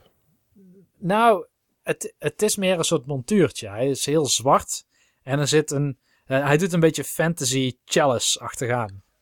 ja. En het is een soort structuur of zo, alsof je in Skyrim een draak hebt geslacht. En van de huid van die draak is dan een koffiemok gemaakt. Zo'n gezocht gevoel Zo'n kreeg ik structuur erbij. inderdaad. Oké, nice. Ja. Dus inderdaad, een, een gevoel wat autoriteit uitstraalt. En ehm, daar zaten nog snoepjes in. Nou, die zijn dus door eh, mijn eh, familie opgegeten. er zat een gedicht bij. Handgeschreven. Eh, Oh, netjes. Ja, heel netjes. Daar stond ook in dat, dat de Secret Santa ervan op de hoogte was dat ik koffie dronk. Dat is altijd Ja. goed om te weten. Nou, om, als je op het forum, op het Buttonbashers forum komt, dan kom je daar vrij moeilijk omheen, denk ik. Vanwege mijn avatar, vanwege het topic van een meer dan 20 pagina's, wat alleen maar gaat over koffie. Eh, maar toch zeker attent. Eh, Echt heel erg leuk dat iemand daar dan iets mee doet. En er zat een PSP-game in. Een PSP-game eh, die ik nog niet had. Mijn, mijn wensenlijst was ook niet heel concreet. Ik zei, ik heb al deze systemen en ik heb denk ik een stuk of 15 systemen opgenoemd. En mijn focus is altijd geweest de hele opvallende grote games en eh, de multiplayer games. En geef mij nou eens een game die ik waarschijnlijk niet op mijn netvlies heb gehad. Ja. En daar is een game uitgekomen. En dat is heel knap, want het is een game die ik weliswaar ooit op mijn netvlies heb gehad, Ik ook. maar door niet heb gekocht. Nee. Nee. Het is een Half Minute Hero. En eh, die heb ik ook gespeeld. Ik had ook beloofd dat ik hem zou spelen. En Mike heeft Ja. hem ook gespeeld. Ja, want ik zag dat, hij, dat je het ging spelen. En ik, eh Steve, jij hebt hem ooit genoemd in een eh, Hidden Gems eh, aflevering. En toen ik eh, ergens rond de Buttonbashers was dat in augustus besloot dat ik waarschijnlijk voor, dat ik wat meer ging verzamelen voor PSP. Was je ergens in een winkel in Gouda volgens mij. En daar lag die voor 8 of 9 euro eh, nog nieuw. En toen zei ik van nou Klopt. neem maar mee. En eh, dus ja, omdat Niels hem ging spelen van de week, dacht ik, laat ik dat nou ook eens doen. Dus ik ben ook begonnen aan Half Minute Hero. En we hebben beide een ander aspect van de game gespeeld. Want wat wel leuk is, is het zijn eigenlijk drie main storylines. Het zijn eigenlijk drie gamevormen. Eh, je kan als een hero spelen, als een evil lord en als een prinses. Ja. En jij bent als hero gaan spelen. Klopt. En ik, ik, heb ben gewoon als optie prinses gaan 1. spelen. Ja. En daar horen En- verschillende gameplayvormen bij. Ja, want die ik ben gaan spelen, Hero, eh, is, eh, ja, is een soort. Is, ja, is eigenlijk gewoon RPG. Met levelen en items en, en wezens verslaan. Eh, en wat jij bent gaan spelen, wat is dat, Niels? Ja, een soort fantasy zone. Oké. Een soort shoot 'em up. ehm, die naar rechts gaat en dan weer naar links. Of naar boven en dan weer naar beneden. Afhankelijk van hoe het level georiënteerd is. Dus eh, de poort van een kasteel gaat open, de brug wordt naar beneden gelaten. En vervolgens ga je als prinses met een hele hoop legereenheden om je heen de wereld in om een of ander item te halen. En daar doe je dan 15 seconden over. Of 30 seconden in totaal was het, geloof ik. Ja, 30 seconden natuurlijk in totaal vanwege Half Minute Hero. Ja. Ehm, maar je, je gaat het level in en je hebt het item en je moet terug. En dat moet binnen 30 seconden. Maar onderweg zijn er allerlei vijanden, eh, obstakels. Die kun je uit de weg schieten, maar op een gegeven moment in het spel moet je ook weer niet overal op willen schieten. Eh, je komt soms wat tijd tekort, maar er zijn tapijten uitgelegd. En als je over het tapijt heen beweegt, dan, eh, dan krijg je tijd terug. Dus dan kun je over die halve minuut heen. Het is eigenlijk een soort game die je nu op een smartphone zou verwachten. Ja. Eh, maar die nu gebundeld is met twee andere games dan op PSP. Ja. Nou, dat, dat is het inderdaad, want ik ben dan aan Hero begonnen. En ehm, ja, dat is eigenlijk een RPG. Je, je, je speelt met een hero. Die hero heet ook Hero. En ehm, je krijgt elke keer krijg je een opdracht om een... Tenminste, dat is tot nu toe. Ik ben eh leveltje 14 of zo. En je krijgt elke keer de opdracht om een evil lord te verslaan. Eh, maar daar ben je nog niet hoog, hoog genoeg level voor. Want je begint elke keer, elke missie als level 1. Je hebt wel de items die je eventueel gekregen hebt uit een vorige missie. Heb je bij je en kan je equippen. Dus je bent wel sterker. Maar uh, ja, de tegenstanders worden ook sterker. Dus ja, elk leveltje begin je weer als level 1. Begin je onderaan. En um, je hebt 30 seconden om uh, dat te klaren. Nou, dat is eigenlijk altijd te kort. Maar je wordt geholpen door een, uh, door een vee of een prinses of wat het dan ook is. En die heeft ervoor gezorgd dat er in de dorpjes die er zijn, dat daar een standbeeld staat waarbij je dan uh, geld kan betalen. En dan wordt de klok gereset terug naar 30. En um, als je in de dorpjes bent, dan staat de tijd ook stil. En in het begin is dat gewoon, oké, lopen. En dan heb je random encounters, zoals een uh, klassieke RPG. Uh, volgens mij zijn ze redelijk getimed. Volgens mij komen ze om de 5 seconden of zo. Um, en dat poppetje slaat automatisch. Je hoeft niks te doen. Dat zou ook te veel tijd kosten als je het zelf moet doen. Want de klok tikt door. Nou, en als je ze kapot maakt, dan uh, level je langzaam omhoog. En op een gegeven moment zie je staan dat je sterker bent. Of even, nee, dat je sterker bent inmiddels dan evil. En, en dan weet je in ieder geval dat als je naar het kasteel toe gaat, waar die evil lord zit, dat je hem aan kan pakken. Alleen, de truc is om het binnen het tijdsbestek te doen wat de game aangeeft. En dat is uh, soms 35 seconden, 45 seconden of een minuut. Het zijn allemaal dat soort tijden. Kijk, als je, het, als je dat, uh, daar niks mee wilt doen, dan kan je rond blijven lopen totdat je level 19 bent. Of level 20. Ja, loop je naar het kasteel. Je doet elke keer doe je geld in die, uh, in, in, aan, die, aan het standbeeld betalen dat de tijd terug wordt gezet. Wordt wel elke keer meer, dus je moet ook meer verslaan. De eerste keer is het 100 gold, daarna 200 en daarna 300. Um, maar op die manier zou je het een beetje kunnen cheesen. Maar dan haal je voor jezelf wel de fun eruit. De fun is om inderdaad te proberen binnen de gestelde tijd het einde te bereiken. En in het begin is er één pad en dan kom je twee dorpjes tegen en dat is het. Maar later krijg je ook een soort subquest van ja, weet je, je kan gaan levelen en direct naar het kasteel toe lopen. Maar uh, er is ook een omweg. Uh, maar die omweg die is wel uh, uh, langer, maar is bijvoorbeeld minder gevaarlijk. En je kan er sneller doorheen als je bijvoorbeeld een boot hebt, want dan kan je direct op het kasteel afvaren. Maar ja, de boot, daar moet je de mast voor hebben. Die is hier ten noordwesten, is die gepikt, die mast, door een groepje, weet ik veel, slechterikken. Uh, ja, dan kan je dus voor kiezen, oké, ik ga een soort van grinden naar level en dan omlopen, in de hoop dat je het haalt, want je moet het wel binnen die 30 seconden zijn. Of ik ga die mast pakken en terug, zodat ik die boot heb en dat ik naar de overkant kan. En zo zijn er dus verschillende manieren op een gegeven moment om die levels uit te spelen. En dat is echt heel erg tof. Het is echt, echt een hele leuke game om te spelen. Dus uh, ja, ik, uh, ik, ik heb hier ook de PSP. Hier ligt nu hier, zeg maar. En dan zet ik hem aan. PSP heeft natuurlijk net zoals de Switch. Heeft de Switch het natuurlijk van gepikt. Een soort standby modus. Dus je kan schuif je omhoog en je zit in die game. En uh, ja, dan speel je eventjes uh, zo'n zo missie of probeer je het. En uh, ja, als het niet lukt of wat dan ook, dan, nou ja, dan leg je hem weer weg. En dan pak je hem daarna weer op. Het zou inderdaad nu een game zijn, zoals jij zegt Niels, voor de telefoon. Omdat het vaak korte potjes zijn die, die je speelt. Ja, maar ik vind het wel echt heel erg leuk. Ja, bedoel- het is heel leuk. Er zit ook wel iets van een verhaal in, maar ik heb nog nooit een game gehad waarin ik zo snel tekst doordrukte. Het gaat echt nog sneller, zeg maar, dan, dan zo'n level. Oh, dat kan je in één keer skippen, hè? Want daar zat ik dus mee. Als je, als je zo'n eh, leveltje van in Hero opnieuw gaat spelen, krijg je weer het verhaal. Moet je elk regeltje tekst doordrukken. En een introotje wat er dan komt. Maar als je op start drukt, dan eh zoeft hij er doorheen. Dan ben je het in één keer kwijt. Oh, mooi. Oké, dan ga Ja. ik dat doen. Ja, het begon in, bij de Princess Mode dan met een, een koning die ziek is. En dan moet je een herb gaan halen. Nou, Ja. dan, dan doe je dat. Eh 15 seconden beweeg je naar rechts. Je schiet zoveel mogelijk vijanden kapot, want dan is de terugweg makkelijker. En dan beweeg je 15 seconden naar links en je bent weer thuis. Eh, en dan, oh ja, oké, hij is nog steeds ziek. Nu moet je dit halen. Hij is nog steeds ziek. Nu moet je dat. Op een gegeven moment dacht ik, ja, het maakt me niet uit wat hij nodig heeft. Het gaat Nee. mij over die gameplay. Ja. En die is ook wel echt leuk. Dus je, je begint soort van overpowered. Met, eh, eh, je begint elk level dan overpowered. Met die prinses met een heleboel archers om haar heen.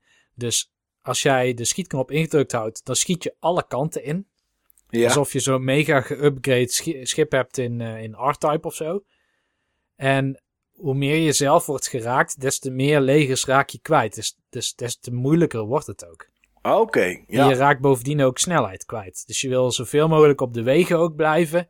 Want dan hou je het momentum erin. Maar dan tegelijkertijd komen obstakels ook dan weer sneller naar je toe. Ja, Dus dat is precies. best Ja, een leuke is, afweging. Ja, dat is, nou, en dat zit in Hero 30 zit dat ook, die afweging. Je kan namelijk eh, een knop indrukken om te rennen. Dan word je niet aangevallen door tegenstanders. Dus ja, weet je, dan kan je snel van links naar rechts komen. Maar terwijl je rent, nemen je hitpoints af. Dus ehm, ja, weet je, ik heb al ergens een keer een veldje gehad waarbij ik dacht, oké, dit is de traditionele weg. Dit is de weg waarbij ik een heel groot wezen tegenkom. Maar als je die verslaat, word je in één keer level 19. Eh, dat kan je eigenlijk niet op level 1. Maar als ik er naartoe ren, krijg ik geen tegenstanders. Ik ga dit proberen. En als het dan werkt, en je haalt het ook nog eens binnen de tijd, dan eh, ja, is dat echt wel heel erg tof. Het is echt, eh, dat is echt, echt een toffe game dit. Dus dat is een heel mooi cadeau om te krijgen voor Secret Santa. Zeker weten, goede keuze. super mooi dat we hem allemaal hebben. Ja, Ja. ja. Oké, ja, nou ik heb... eh, eh, weet jij trouwens wie jouw Secret Santa was, Niels? Nee, ik weet het niet. Oké, ik wel, maar dat is eh, leuk. Ehm, ja, dat is niet aan mij om te vertellen natuurlijk. Eh, ja, ik had... eh, nee, ik deed uiteraard ook mee. En eh, laat ik eerst beginnen met het geven. Ehm, ik, ben, ik vind die dingen die jij zeg maar gemaakt... Wat jij gedaan hebt, Steve, echt super lachen. Wat jij gedaan hebt, Nieuws, ook super tof. Maar ik ben daar niet zo goed in. Dus ehm, bij mij komt het altijd gewoon aan op cadeautjes inpakken in een doos. En dan maar een gedicht erbij. En ehm, Deze keer had je niet de folder van de slager. Nee, ik had niet de had wel gepast, want ik had rookworst 88. en eh ja, dus ik had eh, eh, eh, cadeautjes had ik gekocht. Eh, nee, ik krijg natuurlijk eerst zijn lijstje. Ik had op zijn kanaal, ze hebben, hij heeft een kanaal samen met een kameraad van hem, Burgerbroeders op YouTube. Eh, best grappig eh, om te kijken. En daar was laatst was daar een, ehm, een video, gingen ze door zijn game room heen. Nou, dat was natuurlijk mooi. Die had ik voordat ik wist dat ik hem had, had ik die video al bekeken. Want die staat er inmiddels al anderhalve maand op of zo. En ehm ja, daardoor had ik gezien wat zijn verzameling inhield. En daardoor wist ik dat het niet uitmaakt of het nou alleen een kaart was of dat het eh, met doosje en boekje was. Dat, hè, dat had hij allemaal door elkaar heen. En ik had een beetje het idee van de systemen die hij had en wat voor soort games ze leuk vinden. Want dat zie je op het kanaal. eh, hè, dat zie je met wat ze spelen. Dat zijn eigenlijk altijd platformers. Ehm, ehm, bijvoorbeeld Super Mario Maker. En eh, eh, laatst gingen ze Shovel Knight met z'n tweeën spelen. Dat soort, dat soort games. Nou goed, toevallig kreeg ik hem uit de random grabbelton. Kreeg ik, kreeg ik rookworst. Toen dacht ik, oké, nou dat is mooi. Ehm, en op zijn lijstje stond dat hij eh, graag wat wilde hebben voor eh, de, ehm, wat was het? Voor de Mega Drive, voor de Master System, voor de Super Nintendo of nog één andere console. Weet even niet meer welke. En dat hij heel erg van platformgames hield. En ehm, eh, we- welke die al had. Hij had er een lijstje bij gedaan met welke games die al had. En voor de rest was het eigenlijk prima wat hij kreeg. Ehm, als het maar geen sportspellen waren. Want daar, daar houdt hij niet zo van. Nou goed. eh, ik ging kijken wat ik, voor hem, eh, wat ik voor hem kon kopen en wat hij nog niet had. En toen kwam ik bij eh, Asterix uit voor de Master System. En ik kwam uit bij Alfred Chicken voor de Super Nintendo. Nou, die twee games die had ik besteld. En ehm, toen dacht ik van ja, ik moet toch wel. eh, Bedenk me nu ineens dat ik eigenlijk hetzelfde gedaan heb als jij, Steve. Ehm, ik denk, ik moet toch wel iets doen, zeg maar. Er moet iets van een grapje of iets in zitten. Want alleen een gedicht, ondanks dat ik het zelf wel een aardig gedicht vond, eh, had ik zoiets van, ja, weet je, dat is niet voldoende. En toen dacht ik, oh ja, hij houdt niet van sportspellen. Dus wat ik gedaan had, ik was boven naar zolder bij mij gelopen. En daar had ik eh, FIFA 95 voor de Mega Drive had ik daar uit de kast gehaald. Daar heb ik de cartridge uitgehaald. En daar had ik eh, een cartridge voor de Mega Drive ingedaan van eh, Alex Kidd in eh, nog iets, nog iets land. Ik weet niet welke. Alex the Kid in. Kunnen ze allemaal Miracle Land of weet ik. Ah, ik weet niet. Oh, Enchant, Shinobi en, Enchanted World. Castle. Die is het. Oké. Enchanted Castle. Die game had ik liggen. En ja, Mega Drive is toch niet helemaal mijn ding. Dus ik denk, nou weet je, eh, het is een platformer. eh, hij vindt dat leuk. Dus ik had die in die FIFA 95 gedaan. En toen had ik de cadeautjes allemaal ingepakt. Had ik op eh, die FIFA 95 had ik een plakje gedaan met eerste. En toen had ik op die twee andere cadeautjes derde en vierde geplakt. Ik denk, misschien gaat hij dan zoeken naar een tweede. Die is er niet, is er ook nooit geweest. Maar dat had ik. Dat, ja, dat had ik gedaan. Dus uh, nou, dat heb ik, open, dat heb ik opgestuurd met dan, uh, met dan gedichten bij. En toen zag ik op het forum staan, uh, zaten drie pakjes in en een brief. Ik moest als eerste de eerste openmaken, dat was de brief. En daarna de derde en de vierde. Hij zegt dus, deze kerstman moet zijn telraampje er nog even op naslaan. Nou, dus dat was in ieder geval al goed. Um, hij had het gedicht gelezen, daar moest hij erg om lachen, zei hij. En toen ging hij pakje 1 uitpakken. En daar zat dus die FIFA in. En hij zegt op het forum: Ik had nadrukkelijk niet om sportgames gevraagd, maar juist om platformgames. Toen ik het eerste pakje opende, begon ik dan ook te gniffelen. Dit kon niet waar zijn. Nou ja, daar zat dus inderdaad FIFA 95 in. Uh, toen zei, hij, had wel, hij had dus wel verder gekeken dan Sven bij jou, uh, uh, Steve. Want zei toch maar even checken of de game er überhaupt in zat. En gelukkig niet. Zat namelijk wat veel beters in Alex Kidd in Enchanted Castle. Dus ja goed, hij weet dat ik hem had. Dus ik kan het hier ook wel daarover vertellen, zeg maar, zonder echt te spoilen. Um, dus ja, dat is wat ik op had gestuurd. En um, ja, ik wist natuurlijk wie mij had, want ik deelde uit aan, aan de mensen wie. Uh, hè, ik ben de uitgever, zeg maar, van de Secret Santa loodjes. En uh, nou, degene die ik had, die mij had, bedoel ik, was Tomati. En um, ja, ik doe eigenlijk elke keer hetzelfde. Ik heb tegenwoordig al mijn games in een app staan. En die app heeft dan ook uh, van collectors.com heeft dan ook online een linkje waar je ja, alles kan zien. En ik stuur altijd een linkje uh, naar mensen toe en zeg ik, nou, dit is alles wat ik heb. Uh, dit is waar ik voor verzamel, zeg maar. Op dit moment meeste PSP en PS1. Uh, maar alles is goed als ik het niet heb. Weet je, dan kunnen mensen gewoon kijken wat ze zelf leuk vinden. Nou, ze kregen een hele mooie doos. Goed gevuld, moet ik zeggen. Uh, met een gedicht er zat erbij. van alles in. Ja, er zat echt van alles in. En um, een gedicht zat erbij. Um, en, en dat vond ik heel leuk. En dat heb ik niet op de video uh, gedaan, maar heb ik later wel zitten lezen. Er zat ook een, een heel A4'tje bij met waarom de uh, Tomati deze games had gekozen. Dat vind ik wel leuk. Dat er een gedachte achter zit van oké, ik geef je deze games, want reden X, Y, Z. Nou, de eerste... Heb je daar wat voorbeelden van? Ja, heb ik wel. Um, ik zal even opnoemen wat erin zat. Nou, voor de PSP uh, zaten er drie games in. Secret Agent Clank, God of War Ghost of Sparta en Splinter Cell. En um, nou, die had ik alle drie niet, maar dat wist hij natuurlijk, want dat stond, uh, stond niet op mijn lijstje. En van Splinter Cell zei hij van, uh, ja, dit is echt een van mijn favoriete games. Die ik uh, heel veel gespeeld heb en die ik echt heel erg geweldig vind. Dus ik vind gewoon dat je die in je collectie moet hebben. Nou, had hem er ook in gedaan voor de PS2, want die had ik ook niet. Nou, daar had hij erbij als reden van, uh, zie de reden hierboven. Dit moet je gewoon hebben, want ja, dit zijn gewoon goede games. Um, voor de PS2 zat ook Onimusha uh, Warlords en de Bard's erin. En Monster House. En bij Monster House... Bard's Tale is echt heel tof trouwens. Ja, dat is, R dat is een RPG. Daar wil, ben ik echt wel benieuwd Action naar. RPG. Ja. Action RPG. is echt heel tof. Heel veel humor. Ja, dat, dat, ja dat, zag, dat had hij er ook bij gezet, inderdaad. Soms een beetje misschien wat foutere humor of zo had hij volgens mij erbij gezet. Maar Daar Monster... ben je niet van, toch Daar hou ik totaal niet van, Steve. Maar die Monster House bijvoorbeeld, had hij dus bij verteld dat dat vroeger was dat een tekenfilm, als het goed is. Eh, en dan had hij ook gekeken. En dat was nou een beetje net zoals, het komen we weer terug bij Seks voor de Boeg. Ehm, hij vond het eigenlijk eng. Maar hij wilde het toch kijken, want het was toch ergens wel spannend. En eh dat had hij dan ook een beetje met die game toen die, toen die game uitkwam, zeg maar. Weet je, hij wilde het eigenlijk wel spelen, maar vond Hij het toch ook wel jonger spannend. dus. Ja, dat denk ik. Ik weet niet hoe oud hij is, maar eh, ja, dat had hij daarmee.